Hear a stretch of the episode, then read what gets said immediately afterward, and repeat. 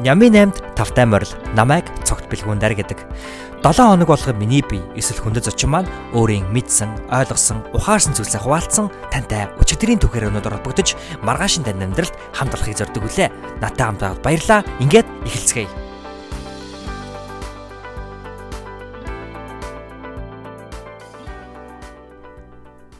Та гайхамшигт итгэдэг үү? Хэрвээ үгүй бол та энэ дугаарыг сонсоод гайхамшигт итгэдэг болно гэдэгт би итгэлтэй байна.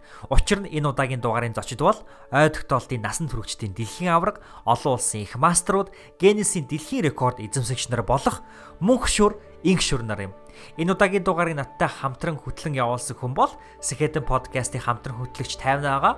Тэгээ хэдүүлээ энэ хүү бид дөрвийн хамтдаа ярилцсан нэгэн гайхалтай дугаар руу хамтдаа өсөрцгээе. Би яг одоо энэ хүү интрог зүгээр шууд подкастаар биччихээд араас нь бичиж байна. Ягаад гэвэл би олон зүйл ярилгүй та шууд энэ подкаст руугаа үсрэн орохыг хүсэж байна. Та энэ подкастыг заавал дуустал сонсоорой. Учир нь энэ подкаст бол хамгийн хүнцэн нөгөх миний хамгийн дуртай подкастуудын нэг бол яхаа аргагүй муу юм. Хэдүүлээ ингээд энэ хүү гайхалтай дугаар руугаа өсөрцгээе.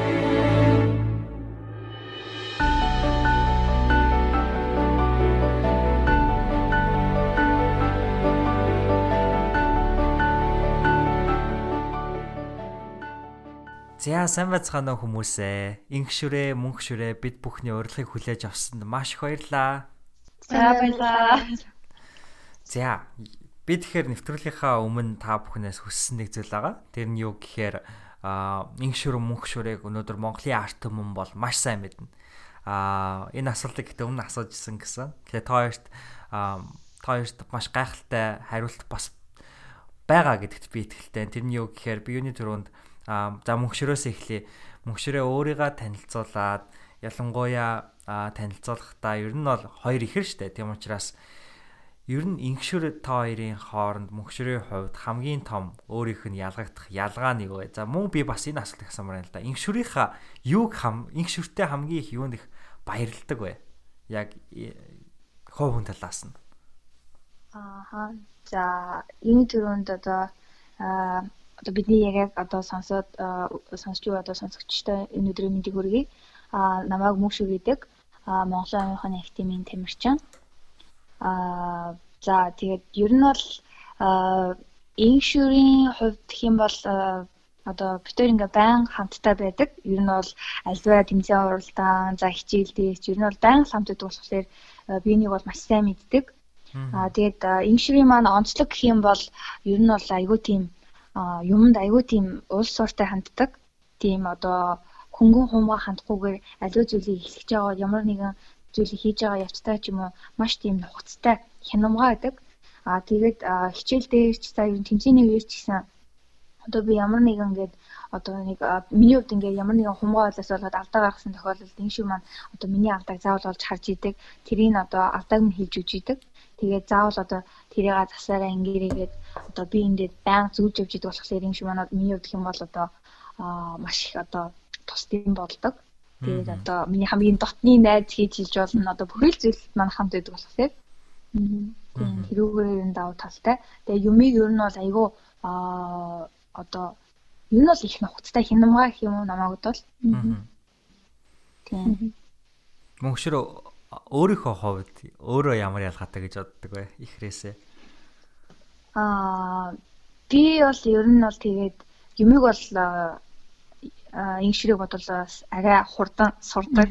Гэхдээ бол ер нь бол тийм нөгөө нэг арай тийм хянамгаа гэх юм уу? Алдаа гарах магадлал аягүй их байдаг. Тэгээд ер нь бол ер нь бол одоо юу гэдэг арай юмыг одоо сурахтаа хурдан ирнэ. Алдаа гарах нь илүү хурдан амархан байдаг гэх юм уу? Тийм. За, маш гайхалтай хариулт байна. За, ингшрийн хувьд. За, сайн байцгаана уу? Өнөөдрийн мэндийг хүргэе. Аа, намайг ингшүр гэдэг. Аа, Монголын хаан актимын тамирчин, аа, олон хэмжээний их мастер. За, тэгээд миний хувьд бол мөвшрээс одоо ялгах тахсан сая бол мөвшөр маань хэлжлээ. За, тэгээд мөвшрийг би бол юу гэж дүгнэдэг гэж гэхээр а ер нь бол аливаа зүйлийг маш хурдан суугаад авчдаг. Ер нь сурах зүйл дээр ч юм уу ер нь бол маш хурдан гээд аливаа зүйлийг хүлээгээд авчдаг. Тэрүүрээ надаас илүү одоо өөр. За тэгээд зан аршингийн хувьд бол бас арай өөр гэдэг. Аа нэг жоохон тийм түргэн гэх юм уу да нэг түргэн ааштай гэх юм уу аливаа зүйлд маш тийм хурдан гээд яг тэгж зан шин гаргадаг.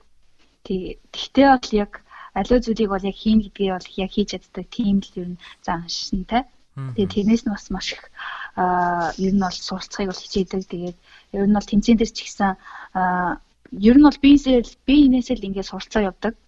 Тэгээд тэмцээн дээр бол яг л гэдээ бол хийж чаддаг юм уу эсвэл те яг ийм л зан чанартай гэж би бол боддог. Тэгээд ийм ийм л өнгөж боддог доо ер нь. Аа. За ямар гайхалтай хариулт байна. Баярлаа. Өнөөдрийн маань подкастын хамтран хөтлөгч 50 байгаа. 50 80 өдрийн мэнд төргий.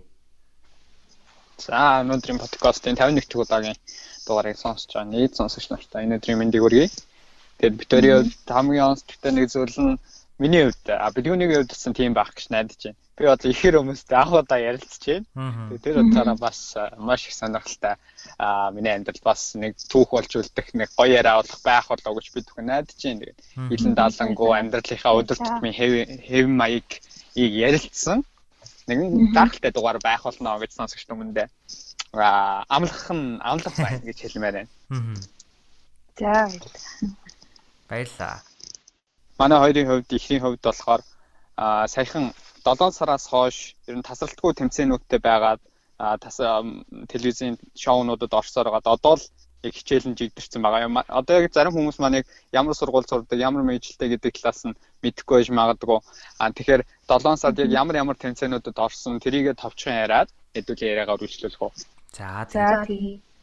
Аа за битээр энэ зууны хувьд юм бол маш завгүй маш завгүй аимшигтэй одоо юу гэдэг ачаал өндөр байсан.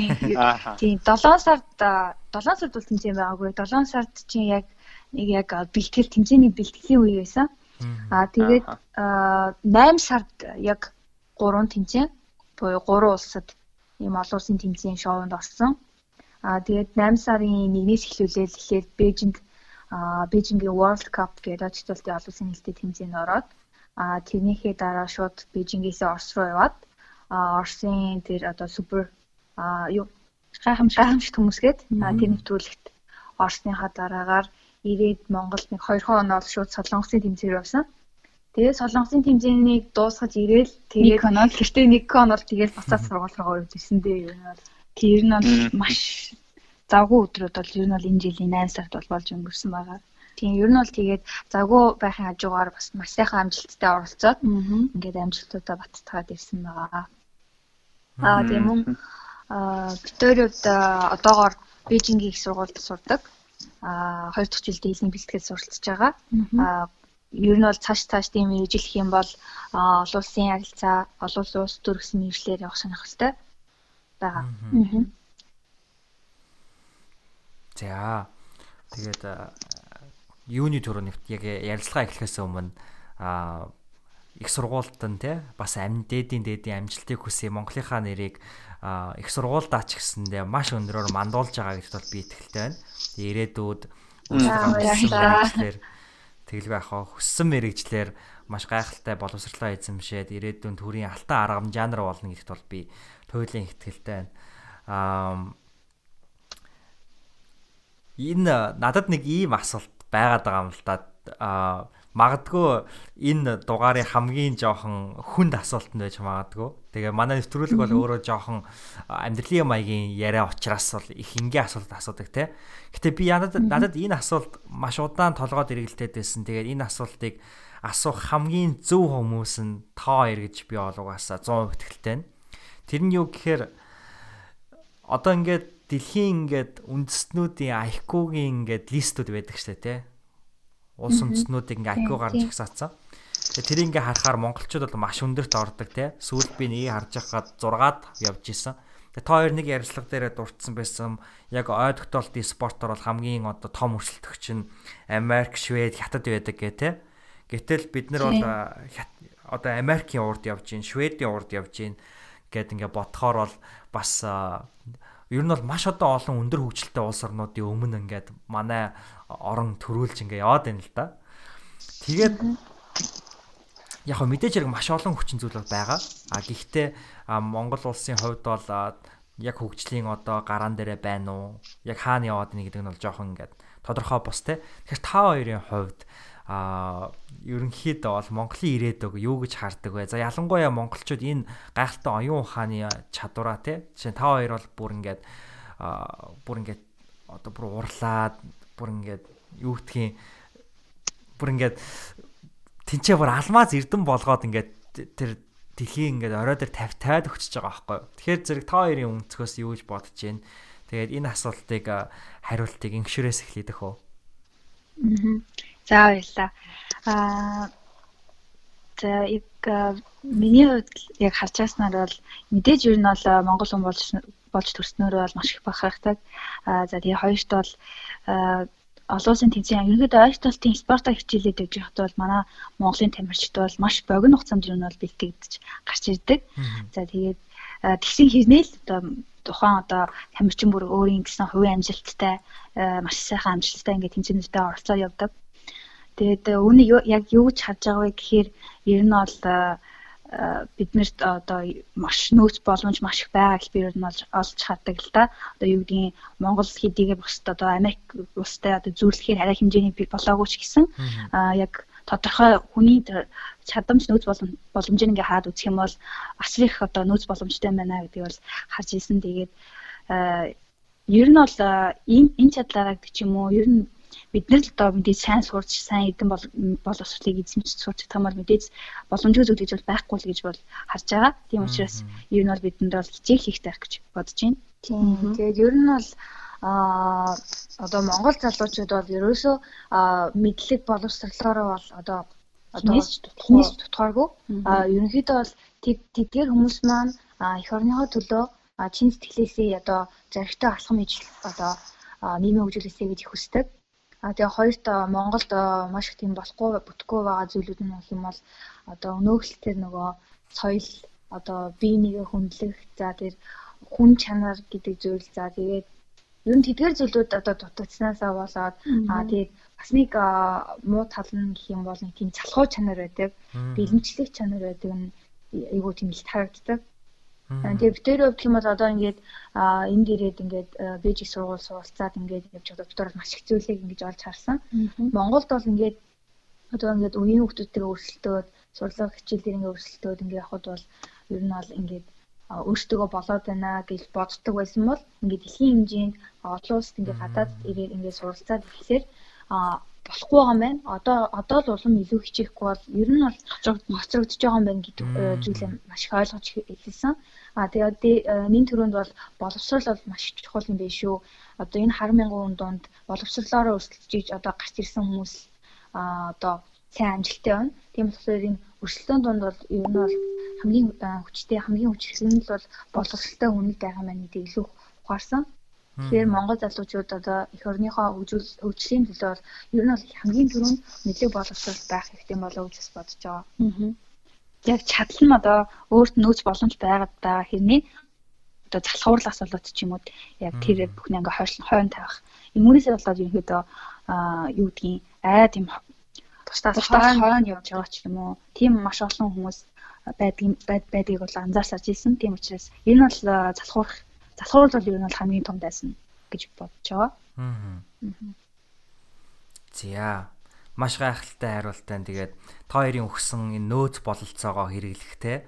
За мөн энэ бэлэнчлэх байдал, эдгээр зүйл, залхуурал, эдгээр зүйлээс татгалзах. За мөн өнөөдөр дэлхийд бид нар зүгээр сууж болохгүй, хоцорч болохгүй гэдгийг анхааруулсан. Үүний тулд бид нар боловсрлыг а маш сайн одоо эзэмших хэрэгтэй гэдэг энэ мессеж бол манай энэ дугаарын подкастын бас нэлээд одоо чимэг нь хамгийн гол санаа нь байна гэдэгт бол би итгэлтэй байна. За тэгээд хэдүүлэн ямын 8-ынхаа үндсэн 8 асуулт руу орох уу гэж бодож байна мэдээж тэгэлэг яах вэ? А энэ асуултыг бэлгүүнээ болсон ер нь сонсогч сонсож байгаа бүх хүмүүс маань хамгийн хайртай асуулт нь энэ асуулт ах гэж бодож байна. Тэгээд бид хоёрын зүгээс асуухдаа маш их баяртай. Яагаад гэвэл маш гоё энергитэй тийм асуулт. Тийм болохоор та хоёроос асуух гэж байгаа. Тэгээд дахиад бас догдолж байна. Мэдээж өнгөрсөн 7 хоногийн хувьд хамгийн талархам, хамгийн дурсамжтай тийм үйл явдал юм уу хэн нэгэн тийм талархлын сайхан үг байх юм бол яг энэ хүү подкастоо дамжуулж хүргээсэй гэж хүсэж байна тийм талархам гайхалтай үйл явдлаа бол бид хүнтэй хаваасаач. За тий. Дөрвөл нот төлөв гарсан. За тийм энэ зүйлээ тэр талаар яриа тийм. Аа за төрөл оногт энэ л төрөл оног тий. 10 сарын 1-нд тийм 10 сарын 1-нд яг одоо бит хоёрын одоо Оросын холбооны улсад одоо оролцсон. Одоо тэр гайхамшигт хүмүүс төрөлг маань яг интернет тавигдаад ингээд маш олон хүн хүрээд эхэлсэн. А тэгээд тэр үед бол одоо битүүрээ гэх юм бол ажиг талт спортоор хичээлээд 2 жил гарсан болж байна. Тэгээд энэ хугацаанд бол хамгийн анхны хамгийн том олон улсын хэмжээний тийм нэвтрүүлэг шоу телевизийн нэвтрүүлэг байсан. Тэгээд анх орж ихтэй бол энэ бол нэгэн ажтай байсан. Яах бол их бол гэж маш боддог байсан. А тэгээд нэвтрүүлгийн амжилттай дуусны дараагаар тэр тухайн нэвтрүүлэг маань ингээд олон хүнд хүрээд монголчуудынхаа одоо одоо монголчууд маань одоо сайн сайхныг хүрсэнд бол маш их баярлж байгаа. Аа тэгээд юун төрөнд талхснаа хийсгэж байгаа хүмүүс маань хэм бол Монголын ухааны академийн захирал Хатанбаатар багш аа мөн бит хоёрын одоо дасгалжуулагч багш Синг самдан багштай бол маш их баярлж байгаа хэлмээр байна. Аа гол нь одоо мөн одоо баасан дорж багштай мөн Монголын ухааны одоо академийн бүх багш нартай бол маш баярлж баярлсан талхснаа хэлмээр байна. Яа гэх юм бол энэ хүү гайхалтай спортыг ингээ Монголд нэвтрүүлээд маш олон хүүхд залуучууд зааж сургаад тэгээ эхнээс нь битээр ингээд маш сайхан амжилтууд гаргаад тэр амжилтанд хүрэх боломжийг ингээд өгөөд явж байгаа одоо гол одоо эзэд нь тэр хүмүүс тийм болохоор тэр хүмүүстэй бас маш их баярлаж талархснаа хэлмээр байна. А хоёр дахь юм бол одоо гэр бүлийнхэндээ бол маш их баярлаж талархаж талархаж явдгаа хэлмээр байна. Одоо битэрийн бүхэл зүйл тусалж дэмжижээдэг. Одоо энэ оюуны спорт руу ороход маань одоо Тэд нар л ороогүй бол тэд нар л одоо зөвшөөрөөгүй бол одоо бид тэр спортоор ин хичээлээд явахгүй байх байсан. Тийм болохоор бас гэр бүлийнхэнд бол маш их баялж өгдөг хэлмээр байна. Аа. Энэ шүү.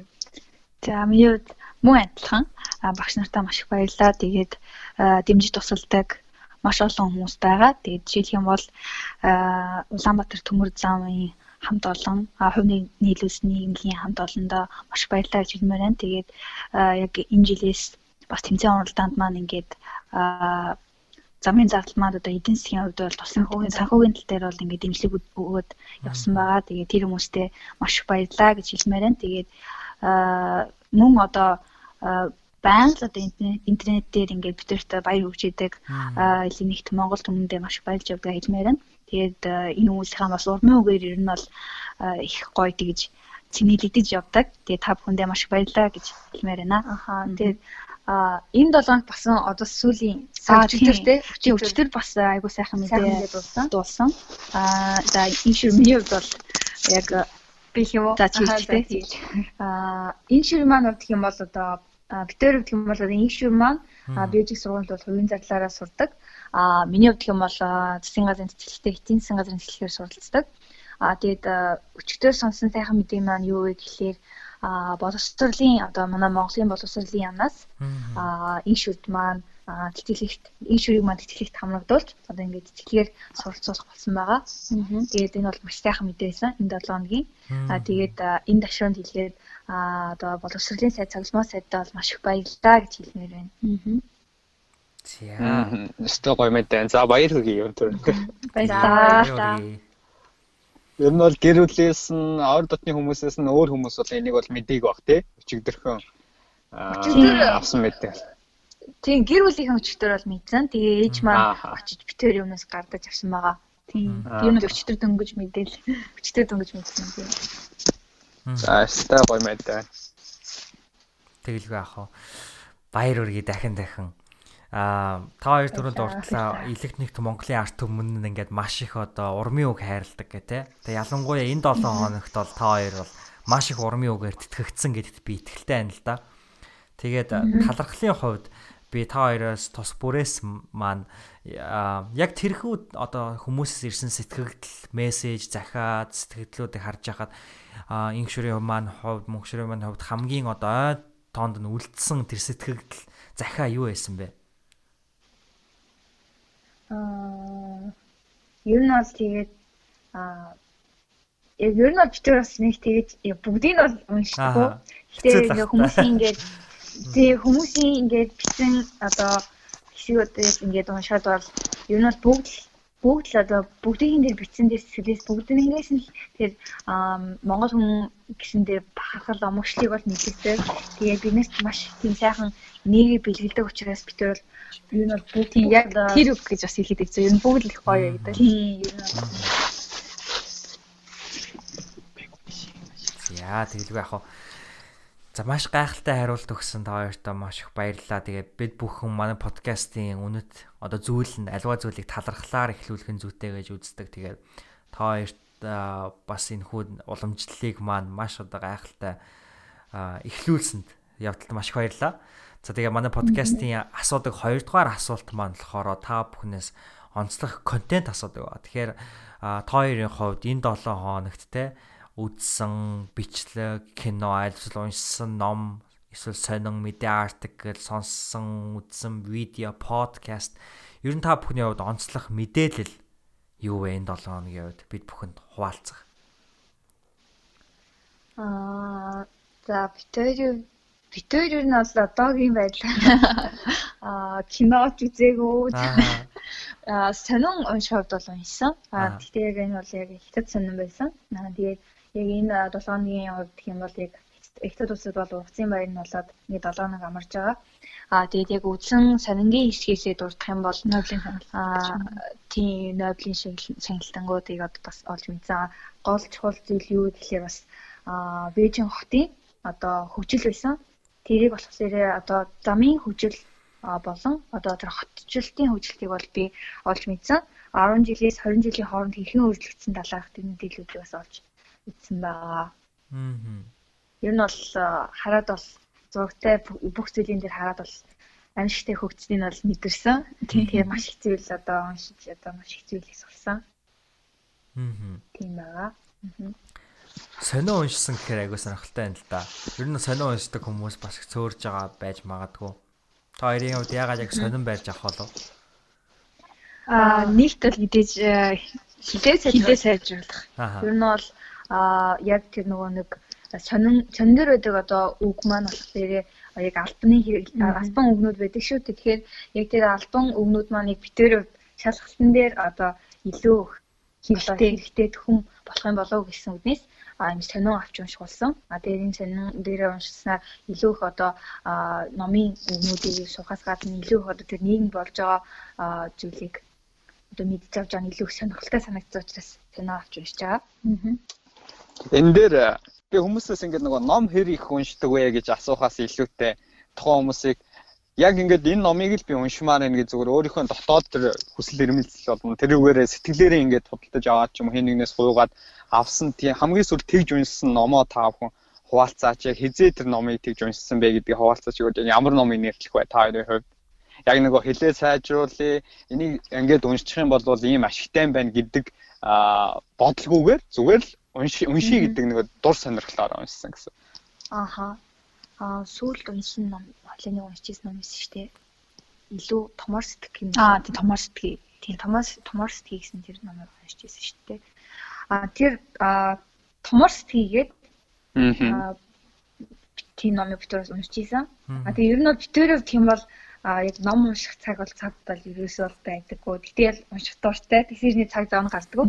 А гэтээ яг энэ 100 а зуны амралтаараа хэмээн нэг сарын цөөхөн идэх оног цөөхөн идэх оног нэг номыг уншсан. Тэгээд тэр номлосоор томорс хийгээд хүн одоо а одоо байгаад хүн бол хүний нөөц боломж бол асар их байдаг. Тийм учраас хүн өөрийнхөө тэр бодож байгаа тэр бодлын хязгаараар бол өөрийнхөө тэр чадварыг бол хязгаарлахгүй илүү томор сэтгэж илүү хичээж тэр зүйлд бол хүч чадна гэдгийг тэр утгыг агуулсан. Тэр номыг бол уншсан. Тэгээд ер нь бол тэр зүйл бол хүн хүний амьдралд тэр номыг уншсанаар илүү их тэр урмыг хайрлах юм билээ. Бас илүү их одоо халийн зүйлийг өөр талаас нь харах тийм чадварыг өгд юм уу бол тэр намайг бол нэг кодсыг бол уншиж би ойлгосон. Яг ихний нэг кодсээс.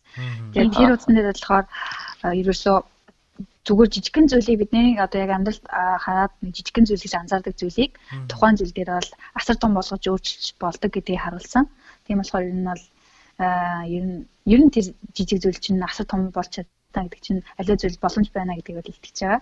Тийм болохоор тэр номоос бол тийм л одоо арай өөр зүйлийг арай өөр өнцгөөс харж харах чадвар маань л илүү хөгжих байх гэж бод. Тийм. Тэгээд битэрүүд дуртай номууд гэх юм бол ер нь бол тэр нэг одоо хүний одоо амжилтанд хүрсэн түүх за тэгээд амьдралын арай нэг өөр өөрөөр харах үнцөг болон одоо юу гэдгийг шинээр сэтгэх ямар нэгэн дээр зүйлтэй сэтгэх тал дээр тийм ном одоо үзэх сонирх дуртай байдаг. Аа. За тэгвэл а 8 асуултынхаа 3 дахь асуулт руу хэдэл орох уу. За тэгье. За. А түүнээс өмнө би яг нэг ганц follow up одоо асуулт байна л да. Тэр нь юу гэхээр за контентын хувьд а яг энэ томор сэтгэхийн номны 40 дугаар уудсын 3 дугаар мөрөнд яг юу ч зээсэн бэ?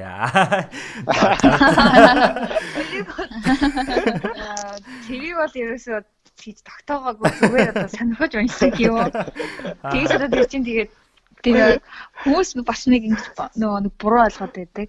Одоо юу гэдгийг хаасан л бол тий нүдэрээ хаасан л бол чэйжчдэг гэд тийж бодоод байдаг. Брат бол биш. Брат биш. Би яг тухайн шалтгаан л та яг энэ хэрэгтэй мэдээлэл бол надад өөрт хэрэгтэй бол мэдээж би энийг чэйжлэх ёстой надад эргээд ашигтай гэдэг үднээсээ бол тухайн мэдээллийг тэр доор нь бол чэйжлэнэ.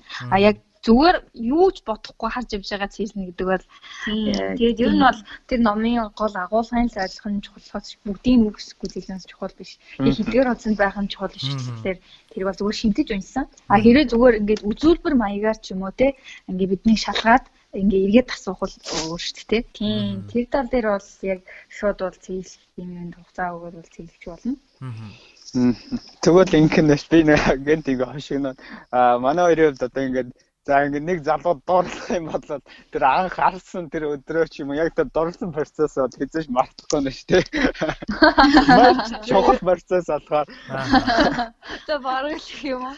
Ер нь бол ер нь бол зөвхөн бүтээч гэлтгүй ер нь бол хүн бол хүн болгон чи өөрөө сэтгэл одоо хөдөлтэй тийм одоо амтан гэж хэлсэн шүү дээ. Тийм учраас ер нь сэтгэл хөдлөл чинь өөрөө одоо тархинд бол удаан үлддэг. Тийм учраас ойртолтын нэг гол энэ түлхүүр нь төсөөлөх болоод одоо сэтгэл хөдлөлтэй учраас сэтгэл хөдлөл орсон процесс болгон хүний ойтын сууж идэг учраас ер нь бол тэрийг мартахгүй гэсэн үггүй тийм. Аа. Вау. Тийм. Одоо жишээлх юм бол түрүү жилийн тэ хамгийн сайн найзынхаа төсөө өдөр дээр ямар бэлэг өгч ирсэн эсвэл ямар хоол идчихсэн сандаг бол мэдээж одоо өчтөр юм уу өмнөх өдөр нь бид нар яг юу жизнээ заримдаа сандгүй шүү дээ. Тэр ер нь яг тухайн үеийн сэтгэл хөдлөлөөс ер нь яг тухайн хүний тархинд одоо мартагдахааргүй үлддэг л гэсэн үг. Тийм. Вау, ямар гайхалтай харуулт те. Энэ э, контентын хувьд э, дахиад нэг яг энэ асуултанд л асуух хэрэгтэй ахalta. Мэдээж хэрэг гайхалтай багш нар байгаа. А гэхдээ ерөнхийдөө бол одоо оюун ухааны одоо яг энэ спорт хичээл, ой тогтоолтын спорт хичээл гэхэд ер нь яг ямар төрлийн ном унших уу, ямар ном унших уу, ямар контент хүлээж авал зүгээр вэ? Яг сонирхож байгаа хүмүүстэй зөвлөвөл. Аа, ой тогтоолтын сүүлд бол хатнаа багш маань ерөөдөө бол англи сурж байгаа хүмүүст бол одоо гадаадын сурж байгаа хүмүүст бол хатнаа багш маань зориулж тийм ном гаргасан байсан. Гаргасан байгаа. Тэр ном маань бол одоо англиар цэглэх үстэй тий. Англи үг одоо яг хэрхэн цэглэх талаар арга барилыг тусгасан тийм номыг бол хатнаач маань гаргасан. А яг ойртолтын спортыг одоо сонирхож байгаа бол Монголын анхны актем дээр очоод одоо сургалтууд нь хамаагдах боломжтой. А тэгээд яг актем дээр их юм бол ойлгох талаас гадна а одоо хуруу мат буюу математик а тэгээд рубикийн шоу, рубик шоу тийм спорт өөрлөлт тэгээд олон төрлүүд байдаг. А бас зүйл бол нэлээд олон одоо гадаад суугаа хүмүүс бол бас энэ спортын талаар сонирхож байгаа. А тэгээд яг тэр тал дээр бол хатнаач маань бас одоо л ажиллаж байгаа, хэрхэн хүргэх тал дээр бол ажиллаж байгаа. Аа. Тийм. Тийм бидний одоо яг оролцдог тэмцээн дотор бол 10 төрлөө байгаа. Аа. Яг ойртолтын яг тэмцээний 10 төрлөөдөг. Яг энэ 10 төрлөөр л одоо 2 өдөр 3 өдөр бол бидний бол тэмцээнд оролцдог байгаа. Тийм.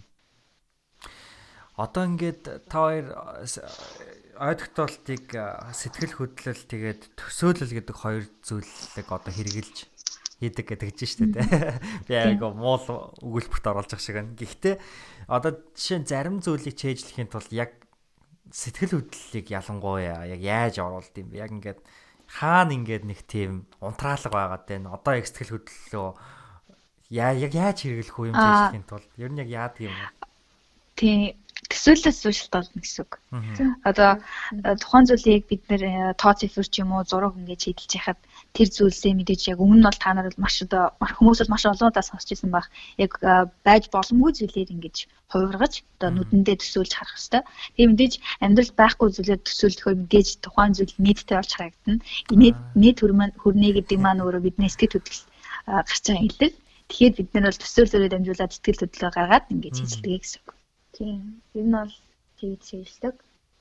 Энд дээр жишээ олгоод асуул одоо тэр сүүлд гайхамшигт хүмүүс гэдэг шоунд ороход ердөө нэг цагаан улаан өнгийн хоёр сарнай л хагаад байгаа шүү дээ. Зүгээр жиний хүний нүдээр харахад. Тэрэн дээр та хоёр одоо тэр богино хугацаанд тэгвэл ямар хошин байдлыг ямар тэр сэтгэл хөдлөлийг гаргаж яг тухайн цаг мөчид хийдсэн бэ? Одоо тэрийг шууд хүмүүстэй хуваалцвал бас амар сонирхолтой авах. Аха.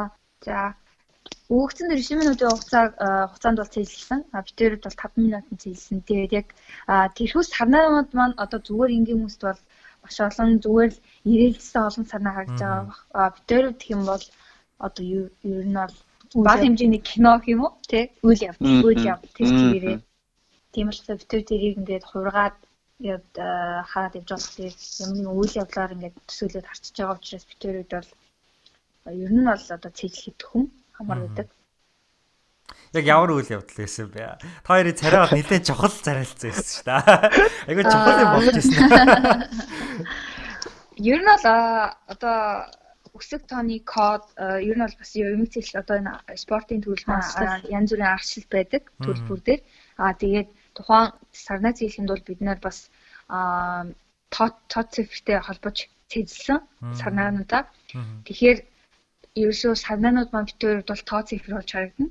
Тэгэхээр тоо цифр маань тус тусдаа бас салангад салангад юм хадаалсан тийм үг байдаг. Аа тэгээд тэр хадаалсан үгнүүдийг өгүүлбэр болгоод ингээд явна гэсэн үг. Тэгээд жишээлбэл юу юу гэдгийг жишээлх юм бол яхмын ихний тухайд чинь аа юу гэсэн одоо одоо жишээлх юм бол юу гэдгийг аа одоо юу гэдгийг заан одоо тий заан одоо дээл одоо хувцаа ингээ алтжижсэн гэж юм уу алтаа бүржижсэн гэдэг ч юм уу тийм заан одоо дугуун живж байгаа тэгээдэд унтсан ч юм уу тий нэг тийм хөвчлөлтэй байдлаар аа тийм төсөөлөгддөг. Тэгэхээр энэ бол хадаас өг бүрээсээ шалтгаална гэсэн үг л дээ. Одоо шал хаа хамаагүйгээр бол төсөөлөхгүй. Яг хадаас өг тэр тоо цифрын кодчлоор бид нар бол цэжилдэг. Тийм бага тийм. Тийм. За тэгэхээр та хоёр бол тухайн мөчөд яг тэр мөчтөө бол амьдрдаг гэж би бол итгэлтэй байна л да. Яг юм тэгж сайхан төвлөрж явах та тий. Тэгээ манай 3 дугаар асуулт маань болохоор би энэ 3 дугаар асуултыг магадгүй нэг үгээр тайлбарлах юм бол оршихуу гэж хэлнэ. А гэхдээ бол арай жоохон ондоо утгатай асуулт. Тэрний юу гэхээр энэ 7 хоногт үйлдэлсэн хамгийн сэтгэлийн таашаал кайф авсан зүйл юу байсан бэ? Өөрөөр хэлбэл яг ямар хор мөчийг үнэхээр таашааж тухайн одоо мөчд тийм ээ тухайн үед үнэхээр тэр хор мөчд үнэхээр яг оршив гэдэг асуулт юм уу? Тэгээд үед мөнх ширээс эхлэдэг хөө. Аа за энэ 7 хоногт бол ер нь бол одоо юу гэдгийг хичээл одоо битүүрээ гэх юм бол ингээд өдрийг бол ерөөсөө өөр бүтээлтэй цаг ярнаа төлөвлөгөөнийхөө дагуу юмудаа хийж дуусгах хичээдэг. Аа тэгээд яг яг catch авсан зүйл юм. Завчлаа ер нь бол маш бага байдаг шүү дээ. Тийм. Тэгээд catch авсан зүйл юм бол юма хийж дуусаад юма хийчлээ. Яг юма хийгээл дуусгаад сайхан мэдэрч юм? За яг өнөөдөртөө багтаагаад яг хин гэсэн юмнуудыг хийчихлээ. Тэгээд яг хийх хийхдээ бас олон сайхан зүйлүүдийг сурчлаа. Тэгэхээр яг цаг хугацааг бол өөр 프레стэй өнгөрчлөө гэдэг утгаараа тэр зүйлээсээ кайф авдаг. Тэр шиг бол яг тэр тухайн үедээ хийхгүй за маргааш бол одоо гээд хойшлогддог гэдэг чинь тэгэхээр л ер нь бол ингээд дараа дараагнууд ингээд сунжаад сунжаад ингээд явцдаг болохоор тэрэн дээр жоо санаа зовд. Тэрэн дээр их санаа зовдог. Ер нь бол тэрэн дээр жоо стресс гэдэг. Тийм болохоор тухайн өдрийн юм тухайн өдөрт нийгээл яг ингээд амралтнаа аваад яг хийх ёстой зүйлийг хийгээ явахт л бол үнээр тийм сэтгэл ханамжтай байдаг юм уу? Тийм нэг тайм дарамтгүй. Тийм. Тийм битэрийн хувьд ер нь завч хөдлөө ер нь бол маш бага байдаг. Ер нь хүн бол завч хөдлөөг байгаа л да. Гэтэ яг юу гэдгийг ингээд гараад бүр ингэ салхилах зав ч юм уу одоо яг өөртөө бас ингээд зүгээр зугаалах тийм цаг бол маш бага гаргадаг. Аль болох ер нь бол бэлтгэлээ хийх үед нь хийгээд хичээлээ хийх үед нь хийгээд ингээ явцдаг байгаа.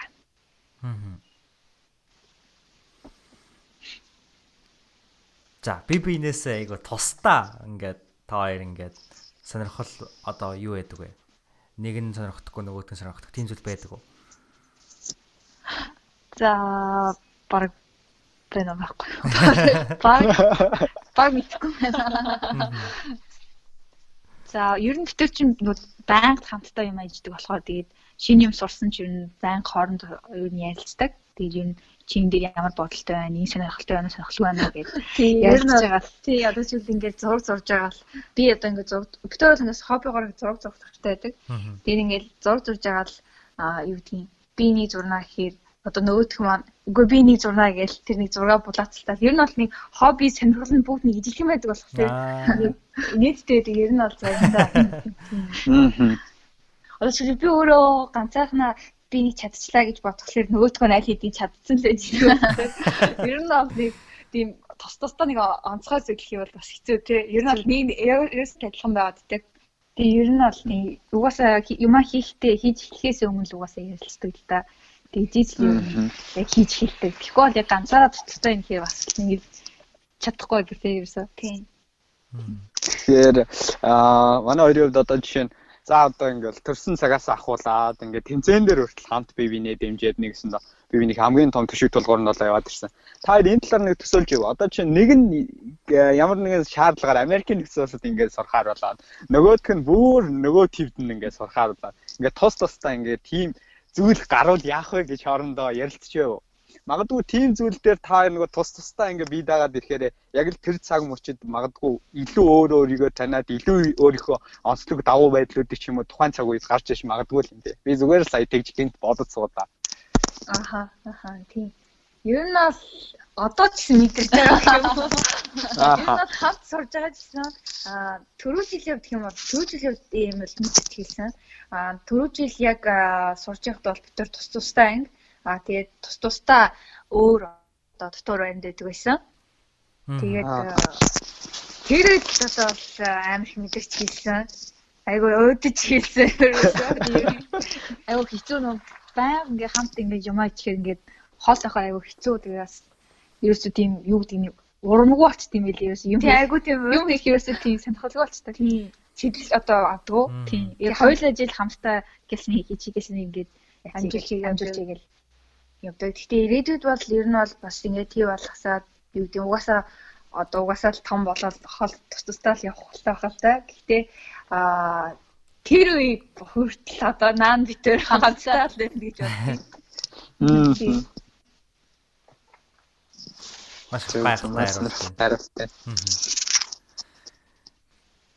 За 58 маань дараагийн асуултыг маань асуух уу. За тэгье. За ингээд бид дайлидийн асуудлуудынхаа дунд орсон байна. Тэгээд дөрөвдөг асуулт маань өнгөрсөн 7 хоногийн үед аа өнгөрсөн 7 хоногийн үед гэлтгүй ер нь өнгөрсөн сарууд ч юм уу шинээр бий болгосон дадал зуршил юм уу дэг гэвэл өдөр тутмын дэг гэвэл та хоёр юуг нэрлэх вэ? Өөртөө бий болгож чадсан. Магадгүй шинээр турших туршихыг хүсэж байгаа эхлүүлсэн байгаа тийм дадал зуршилтэй ч байж болно. Аа, эхлүүлсэн байгаа дадал зуршил гэх юм бол нэг жинэл санам шиг хэлсэн маа. Тэгээ одоо яг ааха тийм. Аа яг шинээр эхлүүлсэн юм бол саний хэлсэн одоо сонин одоо тэр сониг уншиж эхэлж байгаа. Тэгээд одоо ер нь хилээ илүү сайжруулах гэдэг ер нь бол телевиз одоо юу гэдгийг те. Яг тухайн хилээрээ бол дамжуулаад сонирч төлн аваад ингээ уншаад эхэлсэн. А тэгээд илүү бидаад а одоо одоо илүү битэр бол битэрүүд ингээд сүүлийн 2 жил бол тэмцээн уралдаан ингээд маш их одоо одоо хөдөлгөөн бол маш одоо багассан гэж хэлээ. Битэрүүд өмнө нь бол ингээд урлагаарч хилээд маш хөдөлгөөнтэй тэмцээн уралдаан бүжиг дуу ингээд явдаг байсан. А тэгээд спортоор орж эхлээд суух шаардлага суух шаардлагатай байсан. Энэ спорт нь өөрөө айгүйх тийм анхаарал төвлөрөлт маш их дээдсэгтэн шаарддаг одоо шиг дэлхийн аварга гэх юм бол дэлхийн аваргын тэмцээн дээр хоёр нэг цаг бүтэн цээжлээд тэр цэжлсэн зүйлээ 2 цаг санд суудаг. Тэгэхээр ингээд бүтэн 3 цаг суудлыг босхгүй суух шаардлагатай байдаг учраас ер нь бол маш одоо хөдөлгөөн одоо ер нь бол дутагдчих хэлдэг л дээ. Тэгээд яг түрүү жил битэр бол ерөнхийдөө өөрсдөө бие одоо юу гэдэг эрүүл мэндийг одоо анхаарал одоо нэгсэн одоо анхаараагүй одоо ер нь бол дутагдсан гэх юм уу.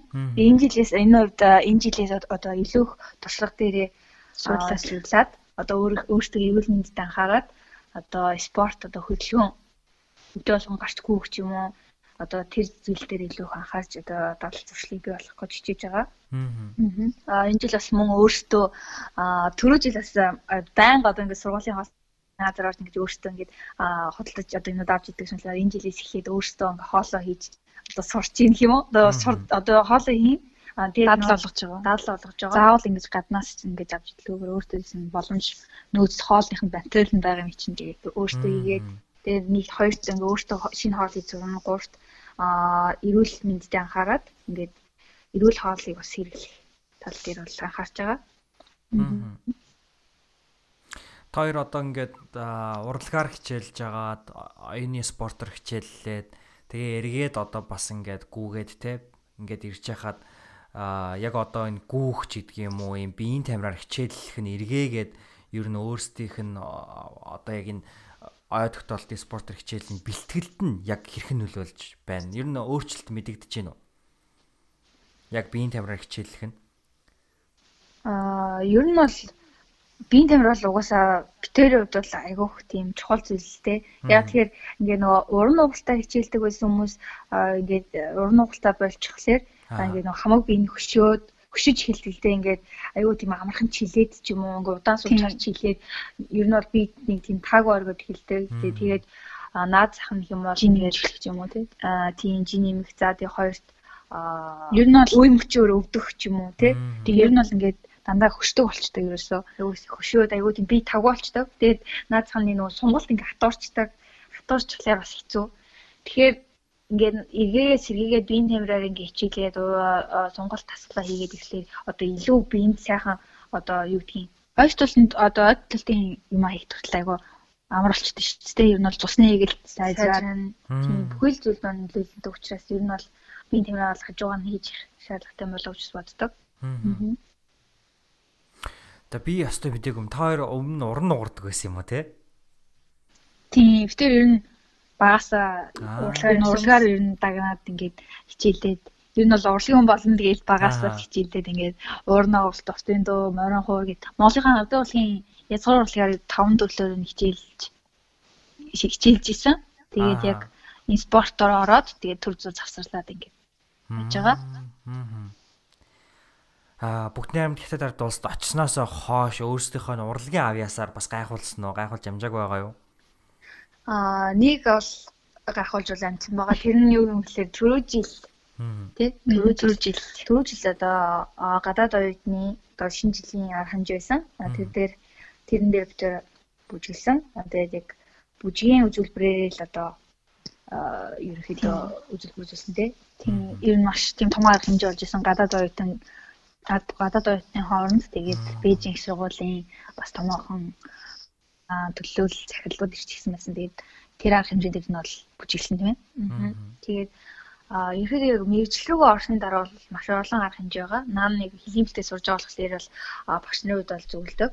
Наан нь бол ямар нэгэн арга хэмжээ одоо юу зүйлд бол орцолгүй хичээлд анхаарад а тэгээд яг бакалавр бакалаврт орсны дараагаар арга хэмжээнд оролцоорой гэдэг юу маш их зөвлөдөг учраас бид тэрс тэрийг дагдаг. Аа Тийм. Дээрээс нь битүүр бас үгээд яг оюуны спортын тамирчин болооч тэр тэмцээнүүдэд бэлдэх шаардлагатай, хажуугаар хичээлээ хийх шаардлагатай учраас бас тодорхой хэмжээнд бас арга хэмжээнд оролцох бас боломжгүй байдаг. Та хоёрын хувьд 10 жилдээ байхдаа математикийн хичээл бодлон тоотой холбоотой хичээлүүдэд тэр сонирхолтой байсан байна.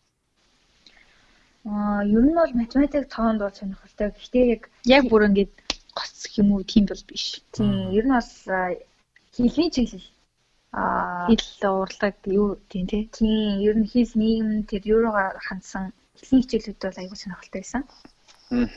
Би яагаад энэ асуултыг асууж байгаа юм бэ гэхээр ихэнх хүмүүсийн одоо яг 10 жилийн хүүхдүүдийн хувьд асуудаг нэг асуулт нь за та хоёрын хувьд бол урлагаар хичээлээ ингээд ерөнхийдөө 10 жил бол тэр чигтээ энэ нь бол урлаг тал руугаа илүү дагнсан байна тий.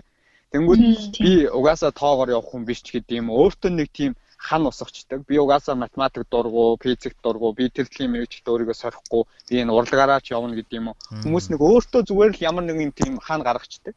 Гэтэл та хоёрын тэр жишээн дээр бол маш том аа нэг жишээ байна л да. Яагаад тэгэхээр урлагаар ингээ явж байгаад оюун ухааны спорт руу ороод дөнгөж тэгтээ оюун ухааны спорт руу ороод ердөө 2 жил болсон байна. Гэтэл энэ богино хугацаанд генесийн рекордыг эвдээд олон улсын хэмжээний мастер болоод дэлхийн хэд хэдийн рекордуудыг ингээд тогтоогоод энэ богино хугацаанд ийм амжилтыг үзүүлж ийн гэхээр тэр хүмүүст магадгүй маш том итгэлийг өгөх том жишээ байна гэж би харах гэдэг байгаа байхгүй юу. Яагаад тэгэхээр тэр хүмүүсийн хувьд хүн өөрийгөө өөрчлөөд өөр ямар нэгэн зүйлийг зоригтойгоор туршиж үзээд эхлүүлэх юм бол тэрэндээ тууштай байвал эргээд тодорхой үр дүнд хүрэх болцоотой маа гэдгийг та хоёрын жишээгээр гаргаж иж байгаа юм болоо гэж болчих.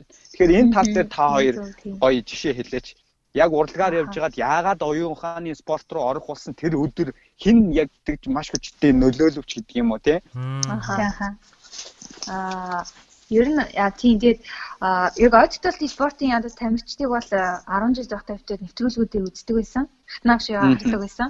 Аа тэгээд харахад ингээд ер нь бол гайхамшигтай бүр ингээ ангаадаг битээ бүр ямар гоё юм бэ энэ яаж вэ яаж вэ хичээл хиймсэн гэж боддог байсан. Аа гэхдээ битээрүүд яг яг 10 жил бол суралцаад ингээд 10 жилийн явж байхдаа бол яг тэр спорт хичээл битүүд бол ягаад ч тийм боломж байдаггүйсэн.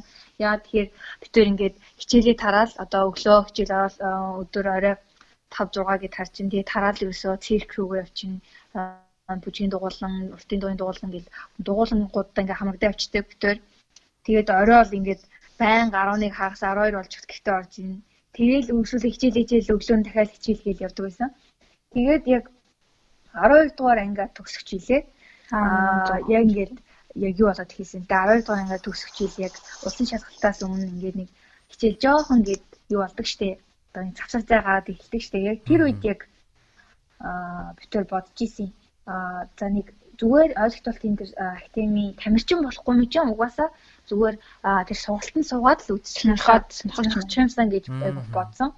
А дээс нь яг тэрэнд явчихсан гэсэн одоо бүр илүү их нөлөөг үзүүлсэн одоо нэг зүйл нь хэм бол одоо манай Монголын инханы академийн тамирчин а өсвөр дэлхийн орны инх мөнх байдаг. А тэгээ тэр инх мөнх болохоор яг тухайн үед тухайн жил болохоор яг хатнаагч тэрийд маань супер брейн гэдгийн томоохон одоо аудиторийн одоо шоунд техник юм шоунд оролцоод ялсан байдаг.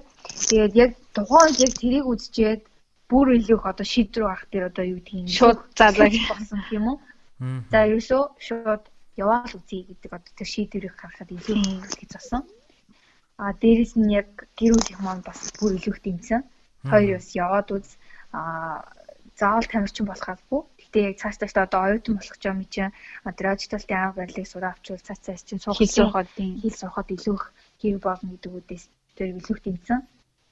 Тэгээд хатнаагчийнхаа яг анхны одоо 5 хоногийн цугтанд суугаад тэгэл одоо яг тэр ахшуудын хичээлүүдийг үзэл хэлсэн бүр илүү сонирхол бүр маш одоо энэ авиа тогтоолтын спортыг сонирхож хэлсэн л дээ.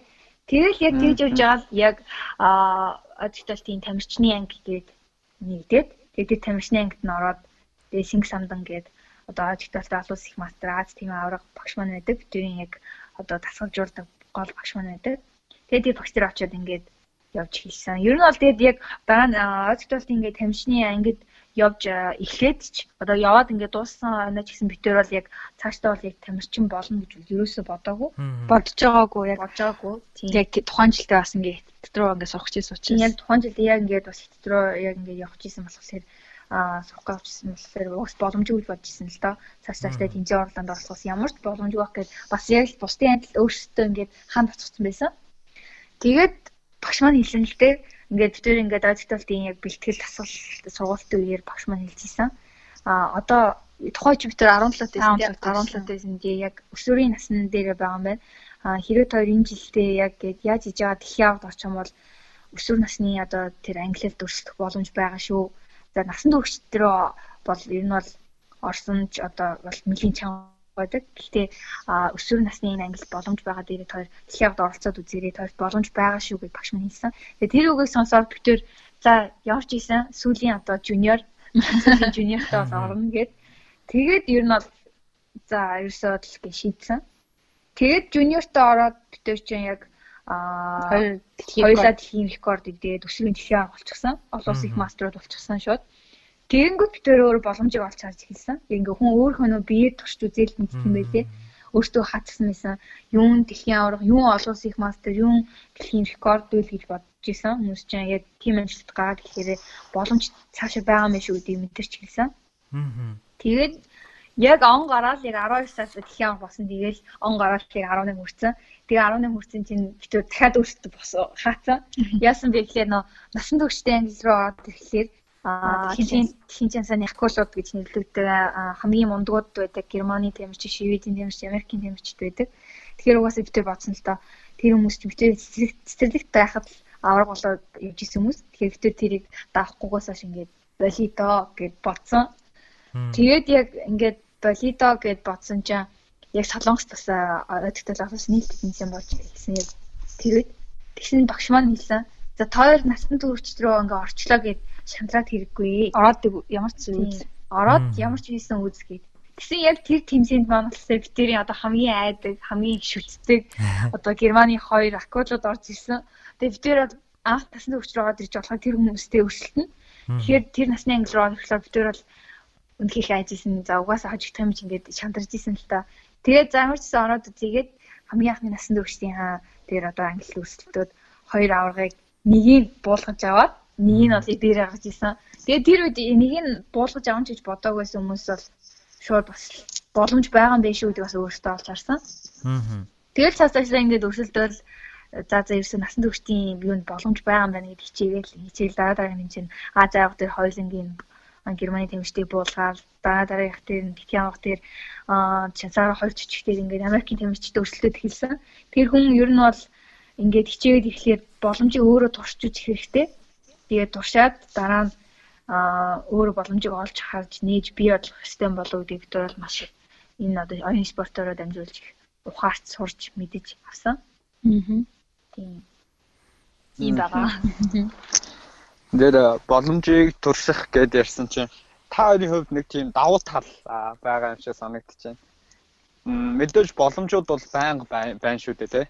Бүх цаг үед ингээ янз бүрийн боломжууд. Гэхдээ тэр боломжуудыг туршиж үзэхийн тулд яг эхлэх тэр процесс тэр зориг яагаад хийж үзэж болохгүй гэж шийдэмгийн зан тэр нь нөлөөлдөг зүйл бол та нөгөө ихэр болохоор яа би бидээ илүү бас нөлөөлж чаддаг. Хоёлаа яагаад хийж болохгүй гэж нэг нь жоохон хоошоо ухалтаад байж хат нэг нь хажуунаас нь дэмждэг. Хоёлаа хийгээд үзье өдийг хүртэл явцсан шид юм уу. Яг дотох одоо чинь э, э, ихэр биш одоо за хүмүүсийн хувьд гэх юм уу Миний хувьд ингээд жишээ нь чадахгүй зүйлүүд гарах юм бол яах вэ гэхээр би өөрийнхөө цээж рүү ингээд цохоод үгүй тайна чи чадна гэд ганцаараа хэн нэгэн байхгүй газар очиод өөртөө ярьдаг байхгүй юу? Чи чадна чадна гэд амандаа давтаж хэлээд ч юм уу. Тэгж яад магадгүй нөгөө хийх зориг төрдөг. А харин та хоёрын хувьд ингээд дөрвөн хүн зэрэг байгаа юм шиг санагдаад байна л та. Даваад гэх юм уу. За хоёулаа байна. Гэхдээ та хоёрын дотор дахиад нэг нэг хүн байгаа. Тэнгүүд нөгөө хоёулаа илүү хамтдаа байхын нэг давуу тал нь яг тэн дээр л ажиглагдаад өдийг хүртлийн богино хугацаанд амжилтанд хүрсэн болов уу гэж тэр боломжуудыг алдахгүй өөрийгөө туршаад үзсэн болов уу гэж би зүгээр ажиглалаа. Тийм болохоор та хоёрын бас маш гоё азтай гэх юм уу? Би бинэ дэмждэг ч юм бол амар гоё санагдчихэв. Тийм гол төлөвөр маань тийм. тийм Тийм ер нь бол бэлтгэл дээрсэн яг амьдрал дээрсэн хичээл ном дээрсэн байнга л биендээ ер нь бол багш шиг нь яг найз шиг найз шиг яг зөвлөгч шиг байдаг. Яг ингээл хийхтэй зүйл дээр нь тий алтаагийн засуулждээ засаад өгөх юм уу эсвэл болохгүй зөвөд байвал энийг ингээд үзэгдэх юм уу. Энэ бол заавалч би ингээд заавал одоо зөвлөж засуулж өвөө энийг урамшуулж явдаг. Тийм тэрийнхээ үчинд битээр бас ингээд илүү хамжилт гаргах юм болоо гэж боддог. Аа та хоёр ингээ өөрсдийнхөө түүхийг эргээд харахад за тэгээд өөрсдийнхөө хамтран одоо тамир хамтран зүтгэж байгаа тамирчтай эргээ харахад тэгээ багш нарыгаа ингээ харахад эцсийн үр дүнд ингээ дүгнээд хэлэхэд хүний нөөц бололцоо ялангуяа энэ тарих гэдэг эргэтэн бол хязгааргүй одоо нөөцтэй ч гэдэг юм уу гэж итгэдэг үү одоо Тэр бол. Тэр бол яг итгэдэг. Тэгээд анх бос угаасаа энэ спортоо хичээлж эхэлж яхад бол нөгөө нэг хүнд бас нэг айгүй тийм гэгээлэг тийм бодол бас яг өөрийн ирэхгүй ингээд толгоон сууж тийм байлээ. Тэгээд яг анх юус бас эхэлж бодож эхэлж исэн бэ гэхээр одоо бид тэр яг жуниорын одоо өсвөрийн насны ангилалтай байхад бол одоо энэ мундаг тамирч Монголынхаа нэгтгэний мундаг тамирчдыг бол харчаад тэгээ маш багасчихсэн. Тэгээд хажуугаар нь энэ тамирчтай бас ингээд тэмцээн орлоонд хамт оролцоод явах юмсан гэж бас ингэж бодож исэн. Тэгээд тухайн бодол маань ягаад ч юм ингээд эргээ бас тайхан нөлөөлөд ингээд удалгүй бас яг бодол биелээ авдаг шиг ингээд тэр мундаг тамирчтай хамт мөр зэцээд олон улсын тэмцээнд оролцох боломж ирсэн. Тэгээд тэр тэмцээнүүдэд оролцоод биенээсээ илүү одоо туршлагажаад ингээд цаашдаа бол олон амжилт гарах үндэс маань бол болсон. Тэгээд яг тархины дээр хамгийн одоо одоо юу гэдгийг одоо ингээд оролцох тэмцээн уралдаанд оролцох болгонд олон улсын тамирчид за тэгээ Монголын тамирчдын нөөц боломжийг ингээд харж идэг. Тэдгээрийн гаргасан амжилтуудыг харахад л хүний одоо тарих одоо их боломж, өсөх боломж байна. Одоо хизээ тэр юу гэвэл хязгаар нь хаана хязгаар нь байх болоо гэж айгүйх сонирхдаг. За яг саний сүүлд одоо яг юун дээр гарсан бэ гэхээр Солонгост бол оролцоод тэмцээнд оролцож байхад одоо 8 сард тийм 8 сард оролцоод одоо манай Монголын их тимийн тамирчин их мастер шижирд нэгж байдаг. Одоо бас Америкт байдаг. Аа шижир маань юу байсан? 50 шиг хүчрийг 12 секунд цээжилсэн. Тэгээд яг энэ энэ мөчид бол ер нь бол зүгээр л бүх хүн гайхаж залмаарсан. Яа тэгэхээр хүний тарих пүлтэн 50 шиг хүчрийг 12 секунд дотор зүгээр нэг хүлээж хараад цэжлэхэд бол гайхамшиг. Тэгэхээр энэ ингээд цаашаа хөгжөөд хөгжөөд хүний тарих хэдэн секунд цээжлэх болоо гэдэг л илүү сонирхолтой. Тэр маш сонирхолтой. Маш сонирхолтой. Ирээдүйд хүн хэдэн секундэд цээжлэх болоо гэдэгс үнэхээр гайхалтай санагдсан. Тэгээ цааш цаашдаа тэрнээс одоо илүү урам аваад хүн одоо хэдийн хугацаанд хэдэн мянган одоо тоо цифр хэдэн мянган зүйл асар их мэдээллийг ямар хугацаанд цээж тогтоох боломжтой вэ гэдгийг бол маш их сонирхдаг. Тэгэхээр хүний тэр яг тэр тархины нөөц хитгийг бол агуу гэдэг зүйлийг нь бол бид өөр баян гэж мэдрээд явж байдаг учраас тэр их гоё байдаг. Тийм ер нь бол тэр их маш гоё байдаг. Та хоёрт яг энэ сэдвийн талаар бол хідэн цагаарч хамаагүй яриад цохыг бол хүсэж байна. Аа бид бүхний дараагийн асуулт нь та бүхэн мэдж байгаа тэр нь юу гэхээр энэ 7 хоног хин хамгийн их нөлөөг мөн хэрхэн үзүүлсэн бэ гэдэг асуулт. Тэгээд та хоёрын яриаг сайн ингээ харж байхад хамгийн анх монголчуудыгаа хараад бахархаад те түүнийхээ дараа бас бас ингэж үзхиймсэн гэдэг тийм хүсэл гинэн хүсэл тэмүүлэл дээрээс бүх юм эхлээд тэгээ сая түрүүнд дурдсан бодол биелэлээ олсон гэд тэгэхээр бол одоо зөвхөн ой тогтоолт биш те тарих гэдэг бол та хоёрын амьдралын туршлагаас харахад бол аа маш одоо ингээд олон байдлаар бол үний тарих ямар гайхамшиг бүтээж болдгийг бас харуулж байна л да. Тэгэхээр та хоёрын хувьд энэ 7 хоногийн хувьд хэний тарих та хоёрт хамгийн их нөлөөг мөн хэрхэн үзүүлв? Аа За нөлөө үзүүлсэн гэхээр ерөнхийдөө энэ 7 хоног хувьд гэх юм бол ер нь их 50 өнгөрсөн тийм. Нөлөө тий энэ 7 хоног хувьд бол ер нь их 50 жигдэл ер нь юу гэдгүүлээ. Нормал. Тэгээ яг бас нэг онцлог зүйл бас баг. Тий онцлог зүйл бол бас баг байна.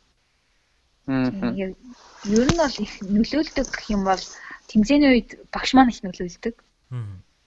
Аа тэгээ яг нөгөө тэмцээний үед ингээ багш маань өөрөө явахгүй ч гэсэн баян ингээ нийтээр битэрт ингээ зааж зааварлаад байж идэг. Тэгээд битэрийг сэтгэлээр унсан үед за тэгээд ямар нэгэн одоо болохгүй бүтгүй үед багш маань байнга одоо ингэж өөрийгөө удирдах хэрэгтэй шүү, хийх хэрэгтэй шүү, ингэх хэрэгтэй шүү гэж одоо битэрт нөлөөлж идэг хүмүүс маань. Аа мөн гэр бүлийнх маань байдаг бас гэр бүлийнх маань ингээд яг үгээрээ яг тийм шүү ингэ шүү гэж гэрүүл хооны хэлэхгүй ч гэсэн тэднийхээ үйлдэлийг хараад битүүл ингээ ойлгож идэг. Тэгээд тэдний үйлдэл нь битээр илүү хөндлөлт юм болоо гэж боддог. Тэгвэл энэ дээр би яг ингээд онцлог зүйл баг бол агшруулад ингээд асуучих гэж бодож байна. За та хоёр бол багасаа нөгөө хатуужилтаа уран нугаралт гэдэг урлагийн урлаг бол өөрөө бас хатууд шаарддаг шаарддаг шүү дээ. Үнээс маш их цаг хугацаа, маш их бэлтгэл шаарддаг. Тэгэхээр хүн өөрөө ингээд нөгөө бэлтгэл болон маш сайн бэлтгэл болон тэр боломж хоёр хоорондоо уулзж иж хүнд аз авчирдаг гэж бид нар ярьдаг шүү дээ. Тэгэхээр боломж байнга байдаг. Гэхдээ тэр боломжийг гарч ирэхэд хүн бэлтгэлтэй байх хэрэгтэй, бэлэн байх хэрэгтэй. Тэгж иж бид нар тэрийг шүүрч аваад тэрийг нэгсэндээ тодорхой үр дүнд хүрэх боломжтой гэж ярьдаг. Тэгвэл тэр урлагийн спортоор та хоёр хичээлээд тэр нэг хүмүүжил та хоёроос надад мэдэгдээд байна л да. Тэр нэг хатуу жил нэгсэндээ урлагийн спортоор яваад нэг байнгын нэг 10 жилтэй байхдаа завгүй нөгөө темпэнд яваад өөрсдөндөө нөгөө сахилга готыг суулгацсан хүмүүс маань эргээгээд ингээд оюуны спортод ороо дараа дараагийнхаа сурах ямар нэгэн шин зүйлд өөрийгөө сорихтоо нөгөө суур хүмүүжил тэр хатуужил гэдэг зүйл суудсан байгаад байгаа болохоор тэрэндээ их маш хурдан дадал болоод түүндээ үр дүн гаргахтаа илүү сайн байгаад байгаа юм болов уу гэж би бол хараад байгаа. Ажиглаад байна. Тэгэхээр багийн багийнхан тэр хүмүүжлийг хуваалцаач гэж үсэн байна. А гэрүүлийн тэр хүмүүжил нь яг ямар хүмүүжил та хоёрт илүү нөлөөлсөн бэ? Тэр нь заавал заад сурахаас гадна зүгээр байгаа тэр нэг байдал гэж ярьж шүү дээ. Тэр байдал нь яг юу болохоор та хоёрт багаас нь битээр угаасаа хичээх ёстой юм бэ шүү бит хоёр илүү амжилтанд хүрэх болцоотой юм байна гэдэг тийм гоё хүмүүжил тэр хандлагыг тэр хүсэл эрмэлзлийг суулгаж өгсөн байна.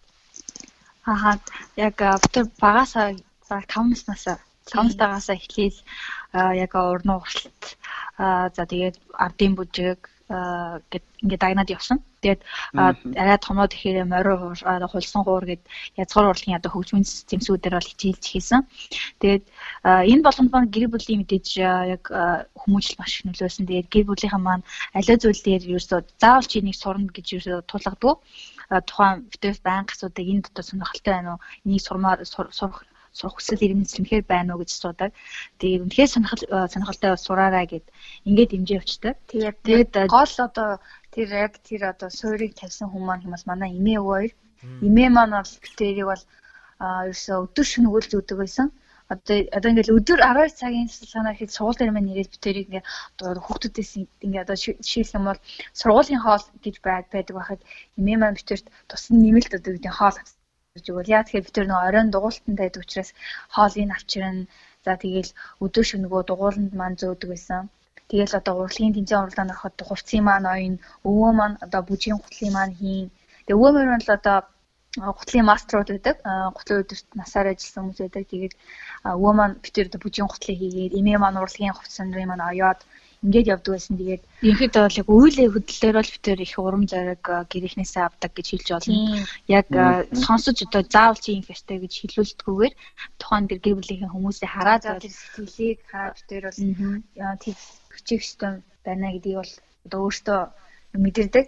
Тийм болохоор одоо гэр бүлийн маань л одоо тэр гаргаж байгаа сэтгэлээс нь битэр бол маш их зүйлийг суралцдаг учраас хичээх систем болоо гэж маш одоо зүтгэж тэднийхээ одоо өрнөх хугалахын төлөөлөх зүтгэдэг дээ ер нь бол тийм.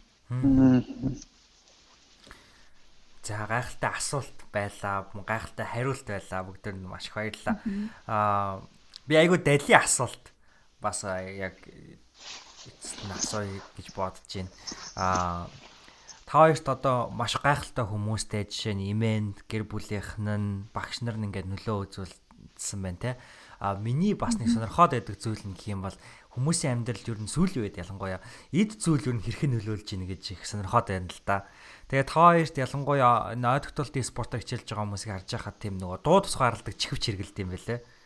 Тэгээд та хоёр би ингээд гайхаад байна л да. Одоо ойдогтолтыг юм чэйжлэхийн тулд та хоёр ингээд нэг эд зүйл хэрэглээ дуу тусгаарлаад хэрэгжилж байна те. Энийг одоо жишээ нь аа ингээ харахад бид нар хичээлээ хийгээд одоо дуу сонсдог ч юм уу ийм зүйлүүд байдаг штэ. Тэгэж хийдэг. Тэгэхээр ер нь яг одоо суралцах ч юм уу альва зүйлийг сурах тал дээр ямар эд зүйлийг яаж хэрэглүүл зүгээр ер нь одоо ийм дуу тусгаарладаг чихвч хэрэглэх нь та хоёрын хувьд жишээ нь зөвхөн ойдогтолтын спортоо хэрэгжилж гин үү эсвэл бас өөр амьдралынхаа зүйлүүд бас хэрэгэлдэг зүйл үү энэ энэ зүйл нь? Аа юу яг энэ дуу тусгаарлагч хөвчийг бол мэдээж яг тамирчин бүр ер нь бол тухайн тамирчнаас шалтгаална л да.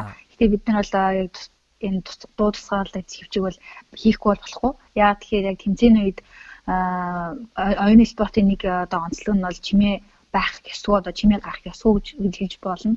Маш чимээгүй орчинд 100% одоо анхаарлаа маш сайн төлөвлөж ил тухайн мэдээллийг зээлэхгүй бол жоохон л ингээд ширээ дугах ч юм уу дэвтэр ном ингээ ойлгоход тухайн төвлөж исэн одоо тэр тухайн тэр процесс нь шууд одоо сарндаг. Тэгэхээр эргээд бидний одоо хурд одоо темпэндээ орч чадахгүй тухайн зүйлийг бол удаан зэрлэх ч юм уу эсвэл эргээ санахтаа алдаатай санах ч юм уу ийм байдалд учруулдаг учраас байнга болсон чихвчээ бол тусгаалж чихвчээ хийдэг. Тэгээ битэрийн хувьд бол энэ яг спортын спорт бол ингэж хийлэн. Тэгээд заримдаас ингэж чихвчээ бас хийгээд байдаг. Одоо бодит амьдрал дээр одоо хичээл ном дээр бас хийгээд байдаг. Яа тийм нэг анхаарлаа ингэж төлөвлөлөд одоо сурцсан одоо байгаа учраас жоохон чимээ ингээд гах юм уу тэрэнд бас ингээд ажиллах анхаалаа сониулахгүй хичээхэд бол чивчээр нь зүчгээд байдаг. Тийм тийм талтай. Тэрнээс бусад үед бол нэг бол авч яваад нэг амар зүгэл идэггүй. Тийм гол хэвнээ бол спорт яг яг тэмцээний үеэр л бол тийм хийгддэг. Одоо ингээд хичээлээ хийхдээ ялангуяа оюутан залуучууд зөвлөхөд ер нь дуу сонсч ч юм уу ингэж хийх нь зөв юу? Аха. Энэ бол миний хувьд бол буруу байх гэж боддоо шүү дээ.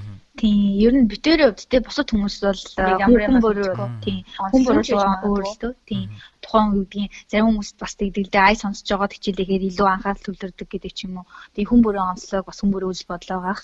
Аа тэгээ битэрийн хувьд бол тэгж ер нь хаж эсрэгээр ерөөсөө юу ерөөсөө анхаарал төвлөрөхгүй байх. Тийм, хоёрт нөгөө битэрийн хувьд яг яг ингээд дуу сонсоод ч юм уу ямар нэгэн одоо чанга дуутай газар ч юм уу ингээд хичээл хийхэд тарих хилүүх ядардаг юм болов уу гэж боддог. Тийм аа гадны их нөлөө аваххээр хүний тархины тэр нэг ритм нэг суралцах нэг явц нэг удаашраад ирдэг юм санагддаг. Тэгэхээр нэг чимээг орчинд илүү сайхан төлөвлөж байгаа л хичээлийг нөлөөх тухтай сайхан байдаг. Гайхалтай хариулт байна. За 6 дахь асуулт маань өнгөрсөн 7 хоногийн үед та хоёрын гаргасан амжилт гэвэл яг ямар амжилтыг хэлэх вэ? Та амжилтыг яг юу гэж ойлгодог вэ гэж эхлээд юу гэсэн асууя гэж бодож байна. Амжилт аа за амжилт гэдэг нь за багшаа аа чи хэлээ чи цаг хэлчих. Аа мөшөр за миний бодох юм бол за би яг тийч хэлэх гээд өгсөн гэхгүй. За аа амжилт гэх юм бол ер нь ямар ч одоо яг энэ спортоор одоо хичээлээд авч үзвэл миний хувьд хамгийн их ойлгосон зүйл юм амжилт гэх юм бол ер нь өөрөө өөрийгөө ялхаа хийх юм болоо гэж бодож байна. Хүн өөрөө өөрийгөө яг яаж ийх тэр үед л яг амжилт юм болоо гэж бодож байна. Яг тэгэхээр яг хийм гиснээ хийж чадахгүй за тэгээд алдаа гаргах. За ер нь хүн болгоос алдаа гаргадаг. Гэхдээ яг бусдыг одоо юу гэдгийг ялхаас илүүтэйгээр өөрөө өөрөө өөрийгөө ялах нь хамгийн том амжилт юм болоо гэдгийг бол энэ спортоос илүү ухаарч ирсэн. Тэгэхээр яг өөрөө өөрийгөө яг ялна гэх юм яг юу гэсэн үг юм бэ гэхээр одоо хийн гэсэн зүйлийг хийх а өөрийгөө залхуурлаас одоо өөрийгөө авч гаргах. А ямар нэгэн буруу зуршил хийх гэдэг бол тэрээ өөрөө өөрийгөө хориглох. Удирдах. Удирдах. Юу нь бол өөрийгөө удирдах гэдэг зүйлийг хийж байгаа юм да. Тэр яг амжилтыг бол миний хувьд бол тэр л юм да. Тийм манай багш маань бас яг над бүтээтэй хэлж ирсэн. Аа юу амжилт гэдэг бол ерөөсөө алдахгүй байхын нэр биш алдсан алдаагаа дахин татахгүй байхын нэр юм а гэж хэлжсэн. Тэгэхээр хэдийгээр одоо байгаль хүмүүс бол өдөр тутамчсан маш их алдаа гаргаж идэг. Тэр маа тэр алдаагаа засаад дахин гарахгүй байхад тэр бол амжилт юм а гэж багш маань тайлбарлаж хэлжсэн. Тэгэхээр ер нь бол амжилт гэдэг бол аливаа зүйлийг амжуулж бусдаас илүү байхын тулд ер нь бол аливаа зүйлийг амжуулж чадчихвал тэр бол хийж амжилт. Тэгээ мэдээж мөшөр маань хийснээр адилхан өөр өөрийгөө удирдах чадах чадах нь илүү одоо амжилт гэж бодлоо. Тэгээ битэрийн бас нэг арай өөр нэг бас ойлгосон зүйл маань гэх юм бол урлагаар явж байгаад ингээд гинт спортоор ингээд аваад ирэхэд яг сэтгэл зүйн хувьд бол ингээд нөгөө нэг арай өөр байсан л да шийдвэл одоо юу гэдгийг урлагаар дамжуулаад бид нэр дуу бүжгээр дамжуулаад сэтгэл хөдлөлөө одоо гаргаж тухайн үзэгчдэд ингээд илэрхийлэх гол зорилго маань байдаг бол энэ спортын хувьд бид нар сэтгэл хөдлөлийг ерөөсөө гарах болох гаргаж одоо ер нь бол болохгүй. Ягаад тэгэхээр өөрийгөө удирдах үйж л одоо энэ тухайн спортоор дамжуулж амжилт авах учраас тийм учраас сэтгэл зүйгөө бол маш сайн байж дийлэх одоо ингээд шат эсэг тэсэг болж байгаа юм л та. Тэгэд яг ийм эсэг тэсэг зүйл суралцаад ирэхээр ер нь бол ер нь бол маш туршлага туршлагатай болдог. Маш зүйлийг сурсарсаг. Тийм. Тэгэд ер нь амжилт гэдэг бол ер нь бол бас өөрийгөө удирдах бас гол гол зүйл нь бол өөрийгөө удирдах байх л гэж бодож байна бусдыг ялгахаас илүү өөрийгөө ялгах хамгийн хэцүү байдаг. Аа. Ер нь бол өөрийгөө ялах гэдэг бол та хоёрын хувьд амжилт гэж үзэж байгаа гэж ойлгож байна. Нөгөө ингээд юм байна л та хүмүүс өөрөө аа бусдад нэгсэнтэй бусдад ингээд юм амллаа штэ тий.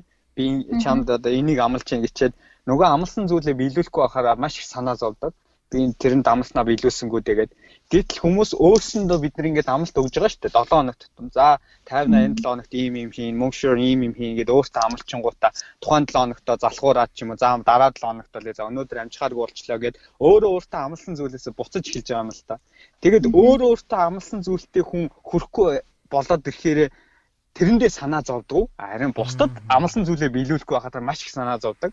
Тэгэхээр яг өөрийгөө ялах гэдэг зүйлээ зүгээр цөөн үгээр ингээд хэдүүлээ тодорхойлоод хэлчихвэл Нэгсэндээ өөрөө өөртөө л өдөр тутамдаа амлаж байгаа зүйлүүдээ л бид нэр хийгээд яваад ах юм бол түүнийг хийх гээд хичээгээд яваад ах юм бол нэгсэндээ тэр амжилтанд хүрэх бололцоотой юм байна гэж би та хоёрын ярианаас ойлголоо.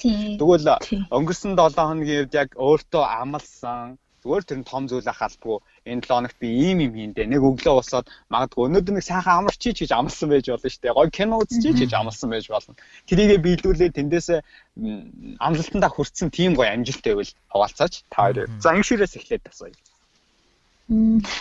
За за тийм чинь Юу нь бол за өнөөдөр яг тэгээгээ хийн шүү гэж хийгээд тусаа. За яг нөгөө 7 хоног багс багс гэж ярихаар бас нэг. Бүтээрээ ингээд яг бас яг түрүүн хэлсэнчлэн яг ингээд зарим хүмүүс сонсоод магадгүй тийм амар уутгартай юм шиг тийм байж магадгүй. Яг л нэг л хэвэн юм шиг. Яг тийм ер нь бол тухайн өдрийнхөө юм хийгээд одоо жишээлбэл өнөөдөр яг яг битэр бас нэг хичээлийн одоо даалгавртай бол өнөөдөр сайхан амжилттай гээд дуусгасан. Тэгээд яг видалт видалт эднүүд бол яг яг өнөөдөр бас хийж дуусгаж амжлаа. Тэгээд тэр бүхэн дээр л их юм бол өөрөөсөө их баярлж байна. Тийм яг яаж хийх вэ гэж бас жоо арга ивэ олохгүй бас жоо санаа зовжсэн. Тэгээд өнөөдөр ямар ч сайн амжилттай хийгээд дууссан. Тэгээд багш руугаа ингээд даалгавар явуулсандаа л одоо л санаа сайхан амар байна. Тийм тэгээд өнөөдөр бас ингээд та хоёртай ингээд ингээд ярьцлага хийхээс өмнө бас их зүйлийг амжуулахын тулд бас тэр айгүйх одоо юу өнөөдөр их тосож одоо бүх зүйлүүдээ яг ингээд хийсэн. Тийм учраас тэр зүйл дээр бас айгуу тийм юм тийм урамтай тийм урамтай байгаа. Аа. Тэгээ ер нь бол цаг төлөлтөө гаргаад явчихдаг. За тэгээ маш их баярлаа. Бид хоёрын бас нэвтрүүлэгт зориулж Их тоссон байж тээ. Ямаа маш сайн нарийн төлөвлөсөн байна те. Бүр бүр нарийн төлөвлөх шаардлага гарсан байх гэж тэгж байна. Тийм учраас маш их баярлаа гэж хэлмээр байна. Тэгээ та нэвтрүүлгийнхаа өмнө нэлээд ихэнд бас дурдчихсэн л да төлөвлөгөө гаргадаг гэд. Тэгээд ер нь яг та хоёрын хувьд жишээ нь яг төлөвлөгөөгөө яаж гаргадаг вэ? Тус тусдаа гаргадаг уу, хамтдаа гаргадаг уу? Ер нь яг та хоёр яг төлөвлөгөө гаргах систем нь яг хэрхэн яг яаж ажилладаг вэ? Нэг өдрийн ч юм уу, 7 хоногийн ч юм уу, эсвэл бүр жилийнхэн төлөвлөгөө гаргахтаа. Аа яг ер нь бол яг хамт ярилцсан. Нэг нэгээрээ бол зарим одоо нэгэн төвлөө гаргасан байхад ярилцаад за одоо энэ дээр тэр одоо даалгавраа хичээлээ хийх зүйлээ оруулаад дараагийн цаг дээр нь бэлтгэл за дараагийнх дээр нь тийм тийм юм хийгээд чигээ ер нь бол ярилцаад тохиолдол ер нь бол ингээд хөгжилтэйгээр яг хэлэх юм бол багийн ажиллагаа гэж хэлж байна. Тэгээд яг байгаль ингээд хоёулаа хамтаад ер нь бол ярилцсан авчдаг. Энийг нэмэх үү, энийг хасах уу те яг энэ дээр өөр энийг ажид өөр юу хийж нэмэх үү, юу хасах уу гэд ярилцсан авчдаг учраас ер нь өдрийнхөө төлөвлөгөөг бол өдөр өдөртөн гээд гаргаачдаг. Эсвэл унтахаас өмнө маргаашдаа нөгөөдөр яг юу их төлөвлөгөө гаргацдаг. Тэгээ яг хитийн одоо зорилгоудаа бол мэдээж тодорхой одоо зорилго байвал тэрэндээ одоо хөрхийн тулд тэрийг ингээд ингээд ингээд ингээд шүү гэд яриа авчдаг байгаа. Аа та хоёр одоо дэвтэр дээр бичдэг үү эсвэл компьютер дээр бичдэг үү? Ер нь яг яах вэ? Төлөвлөгөөгөө. Тийм хөвшлэн аа хөвшлэн дээр хөвшлэн дээр ер нь бол тэмдэглэлийн тэтдээ хөтэлдэг. Тэгээд тэмдэглэлийн тэтэр дээрээ аа тийм ер нь бол тэмдэглэлийн их хөвшлэн юу өдрийн төлөвлөгөө гаргаж. Яг яг одоо хийх гэж байгаа зүйлүүд бол бич тэмдэглэхгүйгээр яг ярьсан юм да. Яг ингээд даалсан хийгээд дуусгахаараа одоо бичээд нэглээд дууссан дууссан гэж одоо яг тийм явдаг гэх юм тий. Би хийж эхлэхээс өмнө биш би дуусныхаа дараа гэсэн үг тийм. Аха өөрөөр хэлбэл угаасаа оюун толгоон дотор ингээд тэмдэглэлээ хөтөлчихөж байгаа юм ба штэ. Өөр нь ер нь тийм яг дуусахаараа яг тэгсэн тэгсэн гэж хэлэхээр бас аюу тийм сайхан байдаг. Аа. За та хоёртай ингээ ярилцаа сууж хахад яагаад ч юм би та хоёроос яг ямар мэдрэмж авч ийн гэхээр Аа мэдээж хэрэг та хоёр яг энэ оюун ухааны спортер хичээлсэн болохоор өөрсдийнхөө одоо өөрсдийгөө бас нэг арай өөр өнцгөөс харах бололцоог энэхүү спорт маань өгсөн гэж бодож байна л да. Тэгэхээр одоо юу гэдгийг жишээ нь тарих гэдэг эрхтнийг та хоёр өмнө нь магадгүй энэ спорт хичээллээгүй байсан бол яг одоо үздэг талаасаа үзэхгүй байсан ч гэдэг юм уу те. Тэгээд хоёртай ингээ ярьж байхад ингээд өөрс өөрс одоо жишээ нь оюуханы спортер хичээлж байхдаа нөгөө чихв зүүдэг гэ тэ. Тэгээд ягаад чихв зүүж ийн гэхээр сатааруулахгүй тул тэгээд аа тэгээд дуу хөгжим сонсоод яхад магадгүй тарих ядардаг гэдэг гэж боддог гэдэг чинь. Тэгэхээр ингээд өөрөөр хэлбэл арай ондоо ондоо байдлаар маш одоо практикл тэ бүр ингээд хэрэгжүүлж болох алхмуудаар өөрсдөө өөрсдийгөө их тийм одоо хайрладаг гэх юм зөв юм уу? Альсвал өөрсдийгөө тэгэж асардаг гэх юм чи бас хайшаа чинь. Гэтэл өөрсөндөө тэгэж анхаарал тавьдаг гэж надад их бодогдож байна. Өөртөө хайртай хүмүүс байна. Тий, өөртөө хайртай, өөрийгөө хайрладаг, өөртөө хайрладаг, тий би бинээ хайрладаг гэж надад их тэгэж бодогдож байна л да. Аа өөрөө гэтээ тэр нь бол одоо муу зүйл биш тий. Би зөвхөн өөрсдөө боддог гэдэг үг биш. Өөрөөр хэлбэл илүү одоо дараагийн өвчин нөрхийн тулд яг ямар зүйлүүд хийхээ мэддэг гэж надад их бодогдлоо. Тэгээд би яагаад нэг хэлээд нөө гэхээр зүгээр надад ийм мэдрэмж төрсэн гэдгээл та хоёр тоо хуваалцахыг хүслээ. Тэгээд тий тэгээд гайхалтай мэдрэмж авч байна маш их баярлалаа. Тэгээд долоо дахь асуулт маань юу байдаг вэ гэхээр энэ 7 хоног та хоёрын хувьд сурсан сургамж ойлгосон ухаарл нь юу байсан бэ? Аа а энэ 7 хоногт авсан одоо юу гэх юм бол одоо тэр нэг Орсын нэвтрүүлэгтэй холбоотой. Аа Аа тэгээ яг тэр нэвтрүүлгийг одоо нэвтрүүлгийг маань үзээд одоо маш олон хүмүүс үзэж байна. Тэгээ тэр хүмүүсийн бичсэн сэтгэл одоо тэр хүмүүсийн тэр баяр үж байгаа байдлаас бид тэр бол илүү цаашаа хичээх хэрэгтэй шүү. Одоо Монголынхоо нэгийг гаргахын тулд илүү хичээх хэрэгтэй байна. Одоо бууж өгөхгүй аливаа зүйлийг одоо аливаа зүйлд одоо одоо ханж болохгүй. Одоо нэг амжилтгаслаа гэх юм бол за болцсон гэж хэлж болохгүй. Тийм болохоор цаашдаа тууштай явах хэрэгтэй байна улам илүү хичээхтэй байна. Одоо ард түмэн гэр бүл багш нарын итгэлийг алдахгүй тулд улам илүү хичээхтэй байна гэсэн тэр одоо зүйлийг илүү ухаарсан гэх юм уу? Тийм. Мм. Энд дэр та хоёрын хувьд одоо өнгөрсөнд ингээд хаалгавар савж гараад ингээд боли би угаасаа чадахгүй маань ингээд тэгж байсан бүр нулимс туслуулж байсан тийм хүнд бэрхшээлүүд тийм хүнд хэцүү үеуд гарч яв. Тэгээ гарч ирсэн бол тухайн цаг үеийг яаж өөртөө зоригжуулж давж гарч ирсэн хуваалцвал бас хүмүүст их сонирхолтой авах тий. Аа яг төрөөжлийн дэлхийн аврал болцоход бол анштайжсэн тэр нөгөө нэг яа бэлтгэлийн юм барьж ирсэн шүү дээ. Нөгөө бэлтгэл хийх газар байхгүй явсан. Аа энэ дэвчээд үү? Тийм энэ дэвчээд. Аа тийм тийм. Төрөөжлийн яг дэлхийн аврал 2017 оны дэлхийн аврал аа хоёр газар одоо яг хоёр дэлхийн жил болно. Тэгээд эхнийх нь 12 сард ерөнхийдөө дэлхийн агуу дандаа 12 сард болдог. Тэгээд Индонез улсын Жакарта хотод болсон.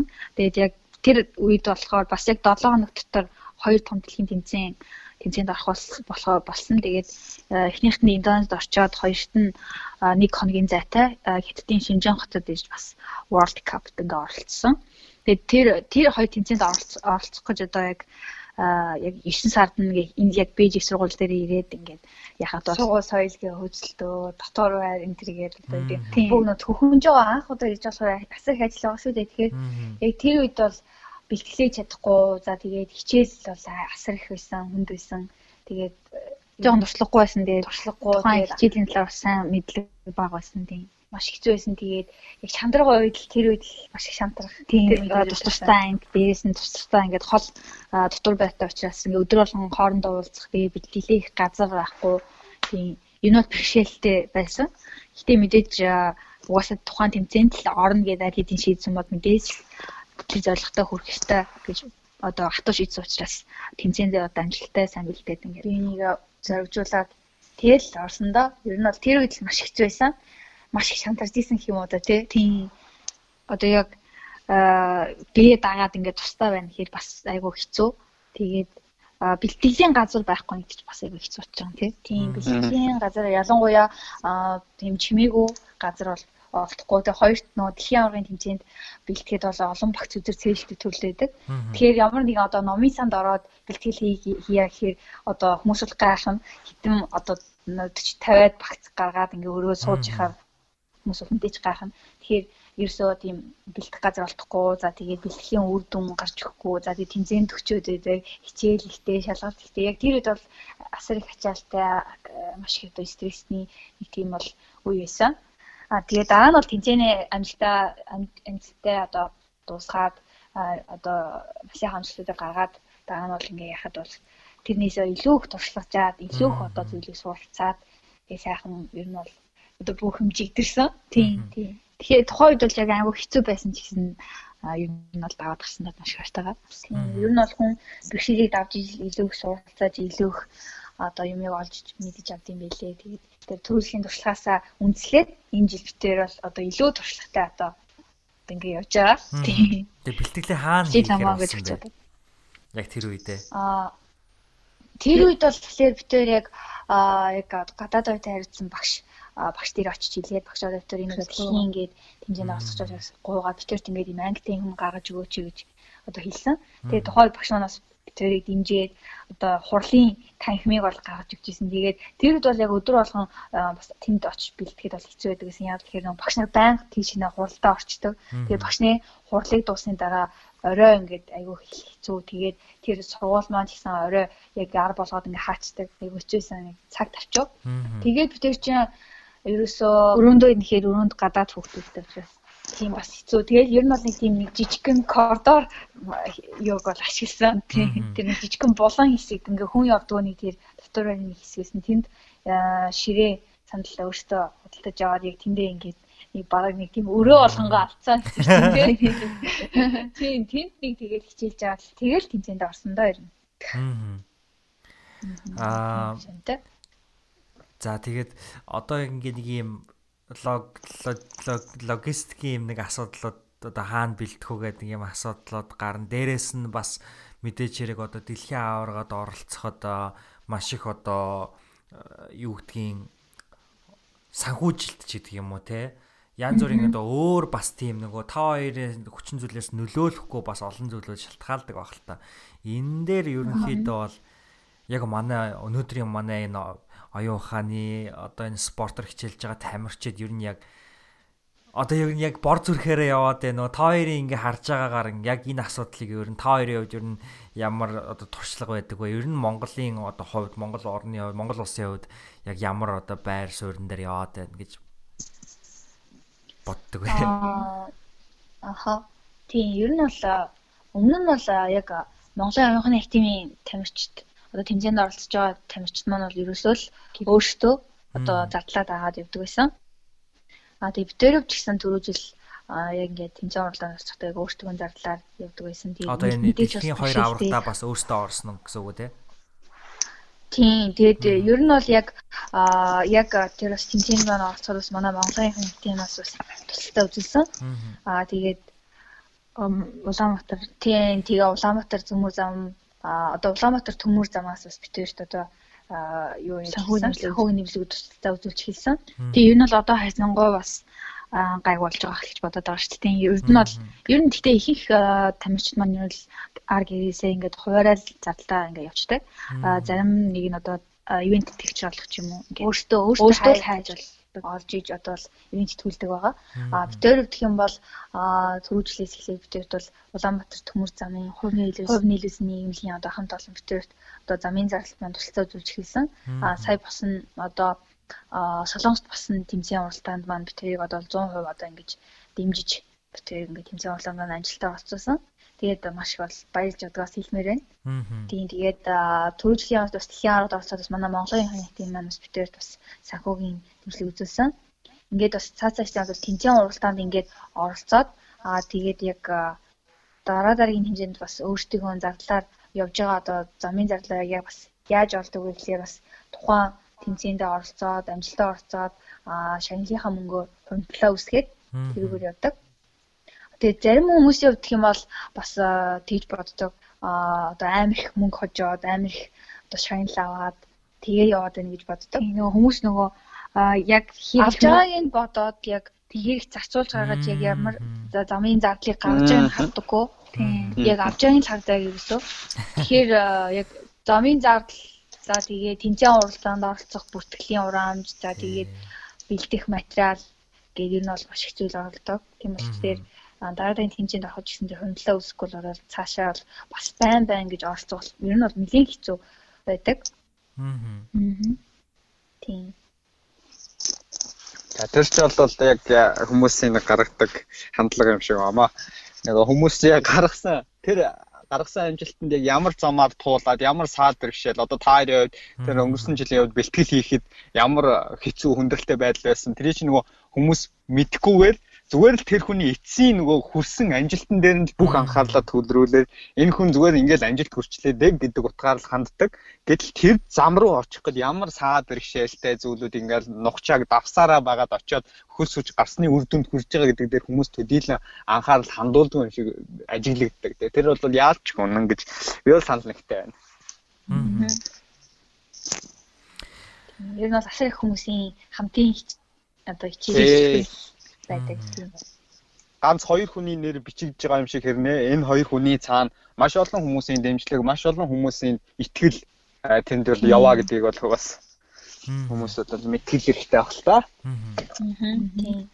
Та хоёрт ингээд 58 маныг хэлж байгаагаар та хоёрт итгэдэг хүмүүс те та хоёрт та хоёрыг та хоёр өөдөө ингэж харж явдаг, та хоёроос үлгэр жишээ авдаг, та хоёрт итгэл өгдөг маш олон хүмүүс байгаа гэдэгт бол итгэлтэй байна а эдгээр хүмүүсийн өгж байгаа итгэлээс гадна а та хоёрт ингээд ер нь яагаад одоо юу гэх юм бэ би бүр ингээд ингэж тасамаар байна. Бүр ингээд тэ бүр ингээд дэлхийн аваргад орохын тулд тэр их асуудлуудыг ингээд өөртөө шийдээд болгоод ингээд очисон. Гэтэл та хоёрт боломж бол байсан шүү дээ. Ер нь хин тамаатай юм те хэдүүлээ ингээд болчих Аялаа ингээ болчих зүгээр сургуулаа сургуультаа анхаарлаа хандуулад ингээд явъя те. Одоо боловсралтаа анхаарлаа хандуулаа явъя гэд ингээд явах тэр боломж бол та хоёрт байсан гэж одоо ойлгомжтой те. Гэтэл та хоёрт ингээд юу яг та хоёрыг ингээд тэнд ингээд байлгаад байсан бэ? Ер нь юу ингэж та хоёрт одоо улам цаашаа амжилтаа ахиулах ч юм уу?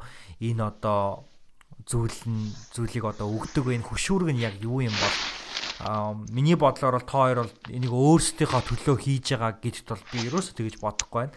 А та хоёрын ярианаас ингээ харж байгаад бол тэ Монгол улсын Монгол орн Монголын арт түмнээ бол маш олон удаа дурдж байна. Яг яг үүн одоо яг та хоёрын тэмүүллийн цаана юу байгаа юм бол? Аа ер нь бол аа битэр бол яг ингээд ер нь бол ингээд яг тэнцээ хамгийн анхны яг дэлхийн аваргад оролцоод нөгөө нэг жуниорт одоо дундсны ангилд оролцох үед тэгэл бас мэдэрсэн. Тэр үе маань яг юу байсан бэ гэхээр тухайн үед бол яг багийн дэлхийн аварга бас шалгуулдаг л та. Ингээд яг хамгийн шилдэг одоо тухайн улсын 3 тамирчны нийлбэр оноогоор дэлхийн аварга багийг шалгуулдаг. Тэгээ яг тэр үед болохоор хиттийн баг болж исэн. Аа тэгээд бас Америк, Швед гэдэг бол багууд болдог. Тэгээ яг тэр үед бодоод битэр бодчихсон л да дөнгөж яг анхны тэмцээн болоод орж болох тэр за ингээд цааш цаашдаа хэрвээ битэр тамирчин болоод явах юм бол одоо илүү хичээлээд илүү одоо улсын нэрийг нэгт бичигдэхин төлөө явах юм шүү гэдэг тэрний зорилгыг тавьсан. Тэгээд түрүү жил яг ингээд насан туршийн хэмжээнд оролцох боломж олдоо. Тэгээ хоёрт ингээд асар хүн битэр ингээд ихтгэл хүлээгээд байхад битэр хичээхгүй ингээд байх юм бол битэр яах юм бэ? Битэрийн цааш цаашийн зорилго яах юм болж байна гэж бодсон. Тэгээд илүү хичээгээд ер нь бол тэр асар их одоо тэр бэрхшээлийг даамд болгоход маань тэдний нөлөө үзүүлээд за тэгээд нөгөө урдаа тарьсан. Тэр Монголын юг нэрийг яг нэгт гаргах шүүгсэн дэрэг зорилго маань илүү одоо хурцлж исэн. Одоо яг тэр тайзан дээр Монголиа гэж дуудуулах юм шүү яг яг л тэр мөчүүд яг Монголын далбай гарахын шүү гэх яг урдаа яг зорилгоор тавьсан байсан. Тэгэл тэрний төлөө ер нь хичээсэн. Тэгээд яг өөртөө бол чадна гэдгээ бол бас өөртөө итгэлтэйсэн өөртөө чадна гэдгээс мэдэрч ирсэн учраас одоо юу гэдгийг илүү санаанд багтсан. Одоо санаанд багтчихсэн. Тийм. Тийм болохоор яг илүү зүтгэсэн гэж хэлж болно. Тэрнээс бол бас яг өөртөө эгэлзээд тэгээд исэн бол байгаагүй. Гэтэ бол ер нь бол ямар ч зүйл бас эзэгтэй байдаг бас 100% бол ихтэй байсан гэж хэлнэ сая шин. Ер нь бол боломж байгаа учраас заавал энэ удаа өөртөө одоо өөртөө биш одоо эх орныхоо төлөө за баг хамт олонхоо төлөө за тэгээд битэрт гол нь итгэлээ одоо тэгэл битэрт итгэл тавиад хүлээгээ сууж байгаа тэр хүмүүсийн төлөө юм шүү л гэж их зорьсон. Тийм. Миний хувьд яг мьют юу бодсон бэ гэхээр after ингээд жуниортоо орж яхад бол за хамгийн анхны дэлхийн аварга дэлхийн аварга гэдэг энэ нэг үдтэй том тэмцээнээс одоо медаль авах нь бол мэдээж чухал гэж одоо одоо өсвөр насны тухай үед л тэгж бодож исэн бол ингээд дараа дараагийн тэмцээндээ ингээд илүү сайн амжилт үзүүлээд ирэнгүүт тэр медаль бол чухал биш болж байгаа юм л та. Аа яг нэг тийм чухал бол биш болж байгаа. А медаль угаасаа авна гэдэгт бол өөртөө итгэлтэй болсон байгаа шүү дээ. Тэгээд тэрүүгээр дамжуулаад хамгийн гол нь Монгол гэдэг одоо энэ тухайн улсынхаа нийлэл гарах нь хамгийн чухал байсан. Тэгээд яг медаль гэдэг эд материаланда биш яг тухайн улсын чанараа юу нь бол Монгол гэдгийг харуулахыг илүү зорьсон. Тэгээд Шинжааны Индонезийн дэлхийн аваагаараа манай Монголын баг тамирчид маань нэг төвчлөлтийн дэлхийн аваа баг болсон. Тэгээд одоогор бол хамгийн хүчирхэг баг бол ажилталтын ертөнцид бол Монголын баг байдаг. Тэгээд баг насны ангилалт баг насны дэлхийн аваатай дунд насны дунд насны дэлхийн аваатай насан туршид ангилал насан туршид дэлхийн аваатай бүх насны ангилал дэлхийн аваадыг бол монголчууд авсан. Тэгээ төржлөөс үнэхээр гайхалтай жил байсан. Тийм түүхэн жил байсан. Түүхэн жил байсан. Тэгээ яг нөгөө битэрийн зорж исэн зориг одоо биелээ олоод яг тэр олон мянган одоо тамирчид дунд одоо тэгээд олон улсын маш олон шилдэг тамирчид ирсэн тэр яг мундаг том тэмцээн дээр яг ингээд далбайгаа бариад төрийн дулаа ишгэлүүлэх мөчлөн хэрийн зүүдлээд байгаа чив шиг тийм сайхан мэдрэмж бол аваад өөрөө ирэхгүй ойлж исэн. Аа. Тэр мөчлөн хэр сайхан байсан. Тийм. Тэгээ үүний дагаар бас өөрсдөө одоо амжилт гээс хүртгэсний сонсоод бол маш их ойлж исэн тийм. Энэ бол битэр бол яг тэр үед яг бас генис бүртгэн гэж бас бүртгүүлэн ч бас зориагүй бодвол бодож байсан үү бодоочгүй явж исэн тэгээд тийм амжилт бас гаргасан бол маш сайхан баяртай. Тэгээд ер нь бол хүн хичээл зүтгэх юм бол боломжгүй зүйлс гэж бол байдаггүй. Тэр нь түүндээ итгэж чадах юм бол бас хичээх юм бол бас болох юм болдгийм бол гэж бас илүү их ойлгосон жилээсэн. Тэр жилээ. Тэгэхээр сургуулийнхаа дотор байрны коридорын болонд хийсэн энэ өөрсдийнхөө мөнгө төгрөгөөр авсан сандал ширээтэй өрөө шахам энэ орон зай. Багш нарын хурлыг тарахыг хүлээгээд орой хүртэл суусан тэр хүлээгээд маш тавчуу хугацаанд бэлжсэн энэ бэлтгэл энэ бүхэн эргээгээд Монгол улсын төрийн далбааг тэнд төрийн дуулалтыг хамт ихшиглүүлэх за мөн тоо хоёрыг генесийн номонд бүртгүүлэх энэ улс хуурн байсан юм байна штэ тий Тийм. Ер нь бол асар их асар их бэрхшээл байсан. Тэгээд э, яг тэр бэрхшээлийг даваад гарсны дараа тэгээ яг тэр мөчд бол ийм зүйл одоо хүрх гэж асар их одоо юу гэдгийг бэрхшээл саад байсан юм байна да гэдгийг одоо ойлгосон. Тэгээд хүний яг тэр нэг төсвөр төвчээрийг шаардсан тэр үеийг л давж гарах юм бол болдгийм байна гэдгийг бол илүү их ойлгосон гэх юм да тийм.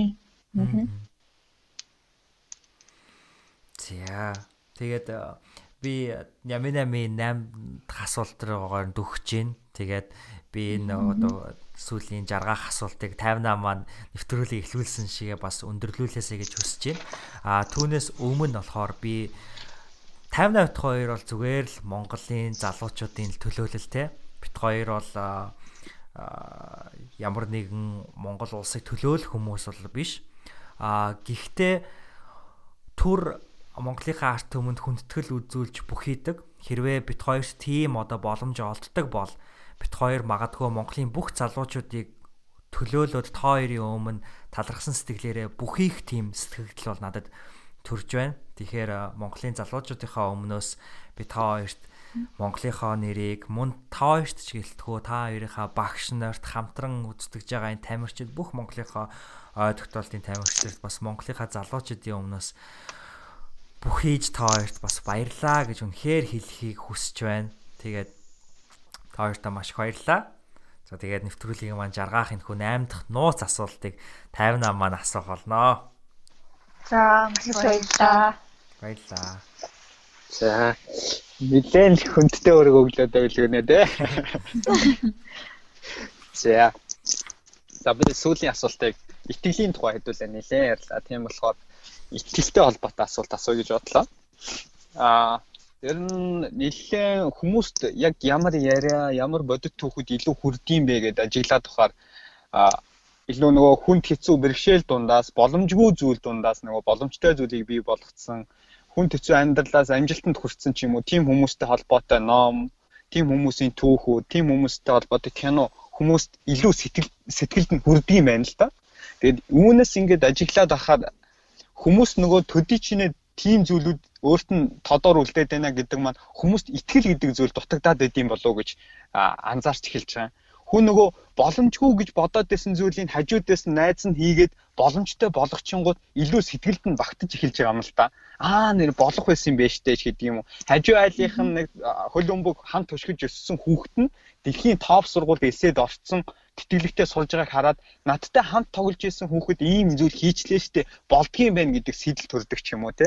Тэгэхээр та хоёрын хувьд өөртөө итгэх итгэл гэдэг зүйлийг яаж өөртөө нэмдэг вэ? Яаж өөртөө бий болгодог вэ? Хамгийн анхны дэлхийн тэмцээнд очиж байхад мэдээж маш их сандарч байсан баг чадах болов гэж өөрөөсөө маш олон асуулт асууж исэн баг. Гэтэл одоо ингээд 2 жилийн дараа байхад хэлжээс цай те медаль авах нь бол бит хоёрын нэг сонирн биш болсон. Авахд бол бүр ихтгэлтэй болсон гэсэн. Магадгүй 2 жилийн өмнөх энэ бодол энэ одоо байгаа бодол хоёрын хувьд бол маш их маш их ялгаа аваа. Тэгэхээр энэ энэ ингэж одоо медаль авахд тийм сонирн биш гэд хэлж байгаа энэ ихтгэлтэй байдлыг бий болгоход юу илүү нөлөөлөд байна вэ? Тэр ихтгэлтэй байдлыг бий болгох нэг аргачлал ч юм уу тийм зүйл байвал сонсогч бидэнтэй хаваалцаач. Аа яг ер нь бол тэгээд спортоор хичээлэл яг итгэл гэдэг зүйлийг бол мэдчих авсан. Э яг өмнө нь ингээд урлагаар явж байхдаа бол битүүри бол нэг тийм одоо юу гэдгийг яг нарийн ширийн нарийн ширийн бас сайн мэддэг байсан юм шиг санагддаг байсан. Яагаад хичээх хэвтэй. За яг бас яг одоо тэр хүн өөрийгөө нэг мэдэрдэг зүйл байдаг шүү дээ. Нэг өөрийгөө нэг одоо дотоод хүнээс сонсох юм уу те нэг өөр өөр өөртөө илүү нэг тийм ойрхон нэг тэр байдлыг бол мэддэг байсан. Тэгээ спорт хичээлээд эхлээд яг өөрийгөө сонсох хэрэгтэй юм байна. Өөрийгөө цэцэх юу шаардлагатай сэтгэл зүгээ барьж явах хэрэгтэй гэдэг зүйлийг бол илүү их сурч авсныга дараа яг тэр итгэл зүг гэдэг зүйлийг бол мэдэж авсан. Аа тэгээд аа итгэлийг нэмж байгаа зүйл бол яг тийм гол одоо юу гэдгийг одоо аргачлал гэдэг зүйл байх байхгүй ер нь бол хувь хүмүүст өөр өөр ингэсний тийм зүйл байгаах гэж бодож байна. Аа яг надаа яг яг юун дээр яг итгэлийг маань ингэж нэмж илүүх зүйл өгдөг зүйл? Юу вэ гэхээр одоо одоо миний эргэн тойронд байгаа хүмүүс гэж хэлнэ. Яа тэгэхээр тэд нэр одоо юу гэдгийг одоо багш маань за гэр бүлийн маань итгэж ийна чадна гэж хэлж яхад би дотроо өөрийгөө би чадахгүй гэж бодож исэн хүн чинь эдгээр яагаад надад итгэдэг юм бэ? Тэд нэр яа надаас илүү одоо юу гэдгийг би өөрөө өөртөө итгэхгүй хахад эдгээр яагаад надад илүү их итгээд байгаа юм бэ гэдэг бодоо бодлыг боддог. Тэгээд эдгээр маань ингэж хийдэг жам чинь би бас тэгвэл өөртөө итгэх хэрэгтэй юм байна. Би чадах хэрэгтэй юм байна гэдгийг бол илүү боддог. Тэгэл ер нь бол яг итгэлийг нэмж байгаа тэр хүрээлэл маань л илүү их одоо итгэл надад нэмдэг. Тийм болохоор тэр гол хүмүүс маань одоо өөртөө итгэлийг маань бий болгосон гэж хэлж болно. Миний хувьд тийм чи мэдээж одоо орчин тойрны нөлөөлөл бол мэдээж байгаа. А гэхдээ миний хувьд итгэл гэдэг бол ер нь бол өөрийгөө сайн мэддэг одоо өөрийгөө сайн мэддэг мэдэж чаддаг тэр хүний л юу итгэл итгэлтэй байна гэж хэлэх юм уу? Одоо яг өөрийгөө юу хийж чадна чаддаг вэ гэдгээ мэддэг учраас л тухайн хүн тэр зүйлийг хийж чаддаг юм болов уу гэж боддгийн.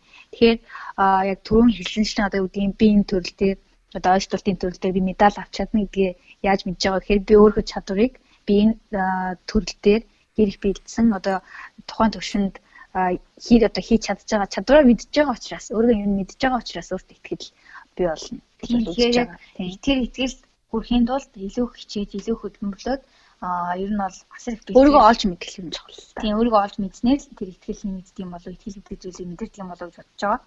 Аа. Тийм тэгээд битэр нуус яг мөкшөр бас сая хэлсэнчлэн яг нэг спортоор хичээл эхлээл ер нь бол айгуу тийм яг ер нь нэг тийм гүн талраа гэдэг итгэл одоо юу гэдэг өөр өөртөө удирдах ингээл энэ зүйлийг сураад байгаа. Тийм яг спортыг бол анх бид нар бол зүгээр спортын тамирч ингээл өнгөцгөн дүгнээл одоо юу гэдэг зүгээр л спорт хичээлдэг хүн л гэж одоо одоо боддог байсан бол яг өөртөө спортын тамирчин болоод ирэхээр арай өөр юм байлээ. Илүү одоо бусдаас илүү хатуу хатуу одоо төсөв төчөртэй байх шаардлагатай болд юм байлээ. Тийм яа тэгэхээр яг тамирчин хүний тэр хэдхэн минут секунд бол асар үнэтэй байдаг. Тэгэхээр яг цаг хугацааны үнцнийг мэдэж хэлдэг учраас тэр хэдхэн минут хугацаанд асар их одоо олон хоногийн бэлтгэл чинь одоо ингэж харагдах хэрэгтэй учраас цаг хугацаа хайрлж хэлдэг. За өөрөө өөртөө бэлтгэл, за өөрөө өөртөө анхаарал тавьж хэлдэг. За өөрөө өөрийгөө сонсож сэтгэл зүг удирдах хэлдэг. Ер нь асар их зүйл дээр одоо төвлөрүүлж хийдэг учраас тэр тамирчин хүний тэр гол чанар бүхэл зүйлийг бол эзэмшиж авдаг. Тийм болохоор яг аа итгэл гээд байгаа тэр зүйл за тэгээд мөн тэр амжилт гээд байгаа зүйл за тэгээд тэр хүн байхын тэр утга учирыг нь бол битээр бүгдийг нь бол яг одоо энэ спортоор хичээлэл олж авсан гэж хэлж болно. Тэгээ одоо бол яг олоод аваад дууссан бол биш ингээд цаашдаа суралцаад байгаа. Гайхамшиг гэдэг бол одоо тэр хүний тэр нэг багтаамж, хүний тэр нөөц гэдгийг бол одоо мэдрээл явж байгаа. Тийм тэгэхээр яг энэ спорт монд төрт бол асар их үнцэнтэй зүйлийг бэлгэлээд одоо асар их зүйлийг ухааруулж байгаа, ухааруулсаарч байгаа. Тийм зүйл болохоор тэр бол энэ спорт бол яхаа аргагүй бол одоо дуртай маш их одоо хайртай. Аа. Аа. Зя маш гайхалтай хариулт байлаа. Аа энэ ярилцлага өөрөө маш гайхалтай ярилцлага байлаа. Тэгээд энэ хүрээд манай 8 асуулт маань дууслаа. Бит хоёр 8 биш нилээд хэдэн асуултад асуулаа. Ягаад тэгэхээр та хоёр бол үнэхээр хідэн цагаарч хамаагүй ярилцаад суух ийм сэтлийг өгмөр гайхалтай хоёр бүсгөө гайхалтай хоёр охин байна. Тэгээд за баярлаа бас дахин баярлалаа. Өглөө өрцөрөө бид хоёртай ярилцах энэ хүү цагийг бас бий болгосонд маш их баярлалаа. Тэгээд манай нэвтрүүлгийн, манай подкастын, манай төслийн нэрийг Сэхэтэн гэдэг.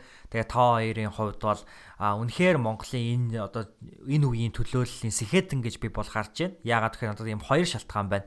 Нэгт юу гэхээр та хоёр яг энэ оюун ухааны спортоор, ойртолтын спортоор 2 жил хичээлсэн те. Аа education буюу боловсрал гэдэг үгний одоо одоо язгуур буюу educe гэдэг үг нь өөрөө гаргах гэдэг юм утгатай байдаг. Тэгэхээр боловсрал гэдэг бол ингээл аваал байх биш те. А харин өөрсөндөө авсан тэр зүйлийг гаргаж байгаа хүнийг бол яг үнэндээ боловсралтай хүн гэж хардаг. Тэгэхээр та хоёр бол маш богино хугацаанд өөрсөндөө бий болгосон энэ хүү мэдлэг чадвараа гаргаж байгаа ийм гайхалтай боловсралтай хүмүүс юм а гэж би харж байна.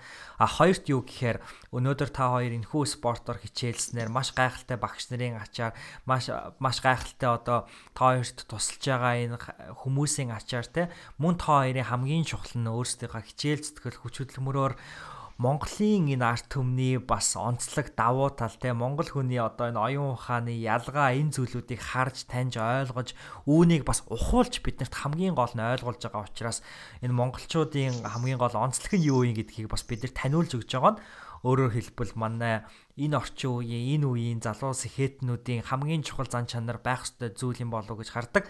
Тийм учраас та хоёр бол яхаа аргагүй энэ цагийн энэ мөчийн энэ Монголын одоо энэ Монгол улсын бол яхаа аргагүй сэхэтэн байна гэж би бол харж ийн тэгээд өнөөдөр бит хоёртай ярилцсан бит хоёртай энэ гайхалтай 2 цагийн хугацааг өнгөрүүлсэнд бит хоёр чин сэтгэлээсээ гүнээ талархал илэрхийлье баярлаа.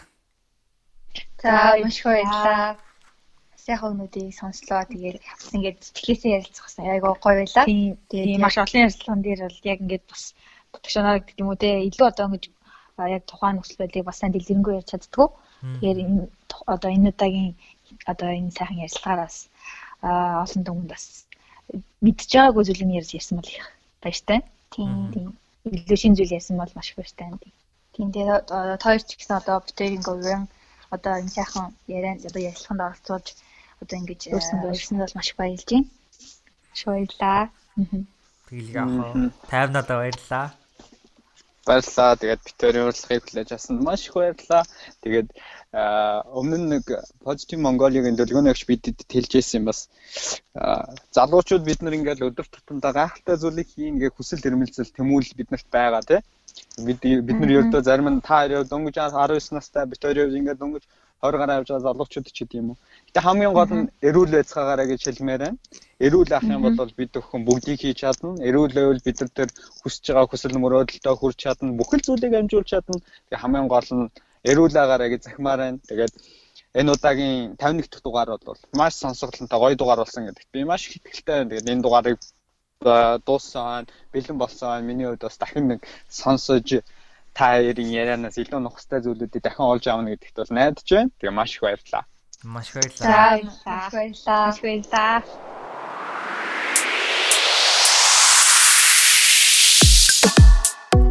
Энэ хүрээд Сэхэтэн подкастын хүрээнд бэлтгэн хүргэдэг Ямин 8 подкастын маань 51 дугаар өндөрлөж байна. Мөнгө шүр, инх шүр нартай ярилцсан энэ дугаар, 50 наатай маань хамтран хөдөлсөн энэ дугаар танд маш их хүн сэтгэл төрүүлж хамгийн гол нь өөрөө өөртөө итгэх, өөрийнхөө нөөц бололцоод итгэх боломжуудыг ашиглах тэрхүү сэтлийг өгсөн гэдэгт би түлэнх итгэлтэй байна. Хэрвээ тийм бол энэхүү подкаст маань танд таалагддаг бол бид бүхэнтэй сэтгэлдээ хуваалцгаа битгий мартаарай.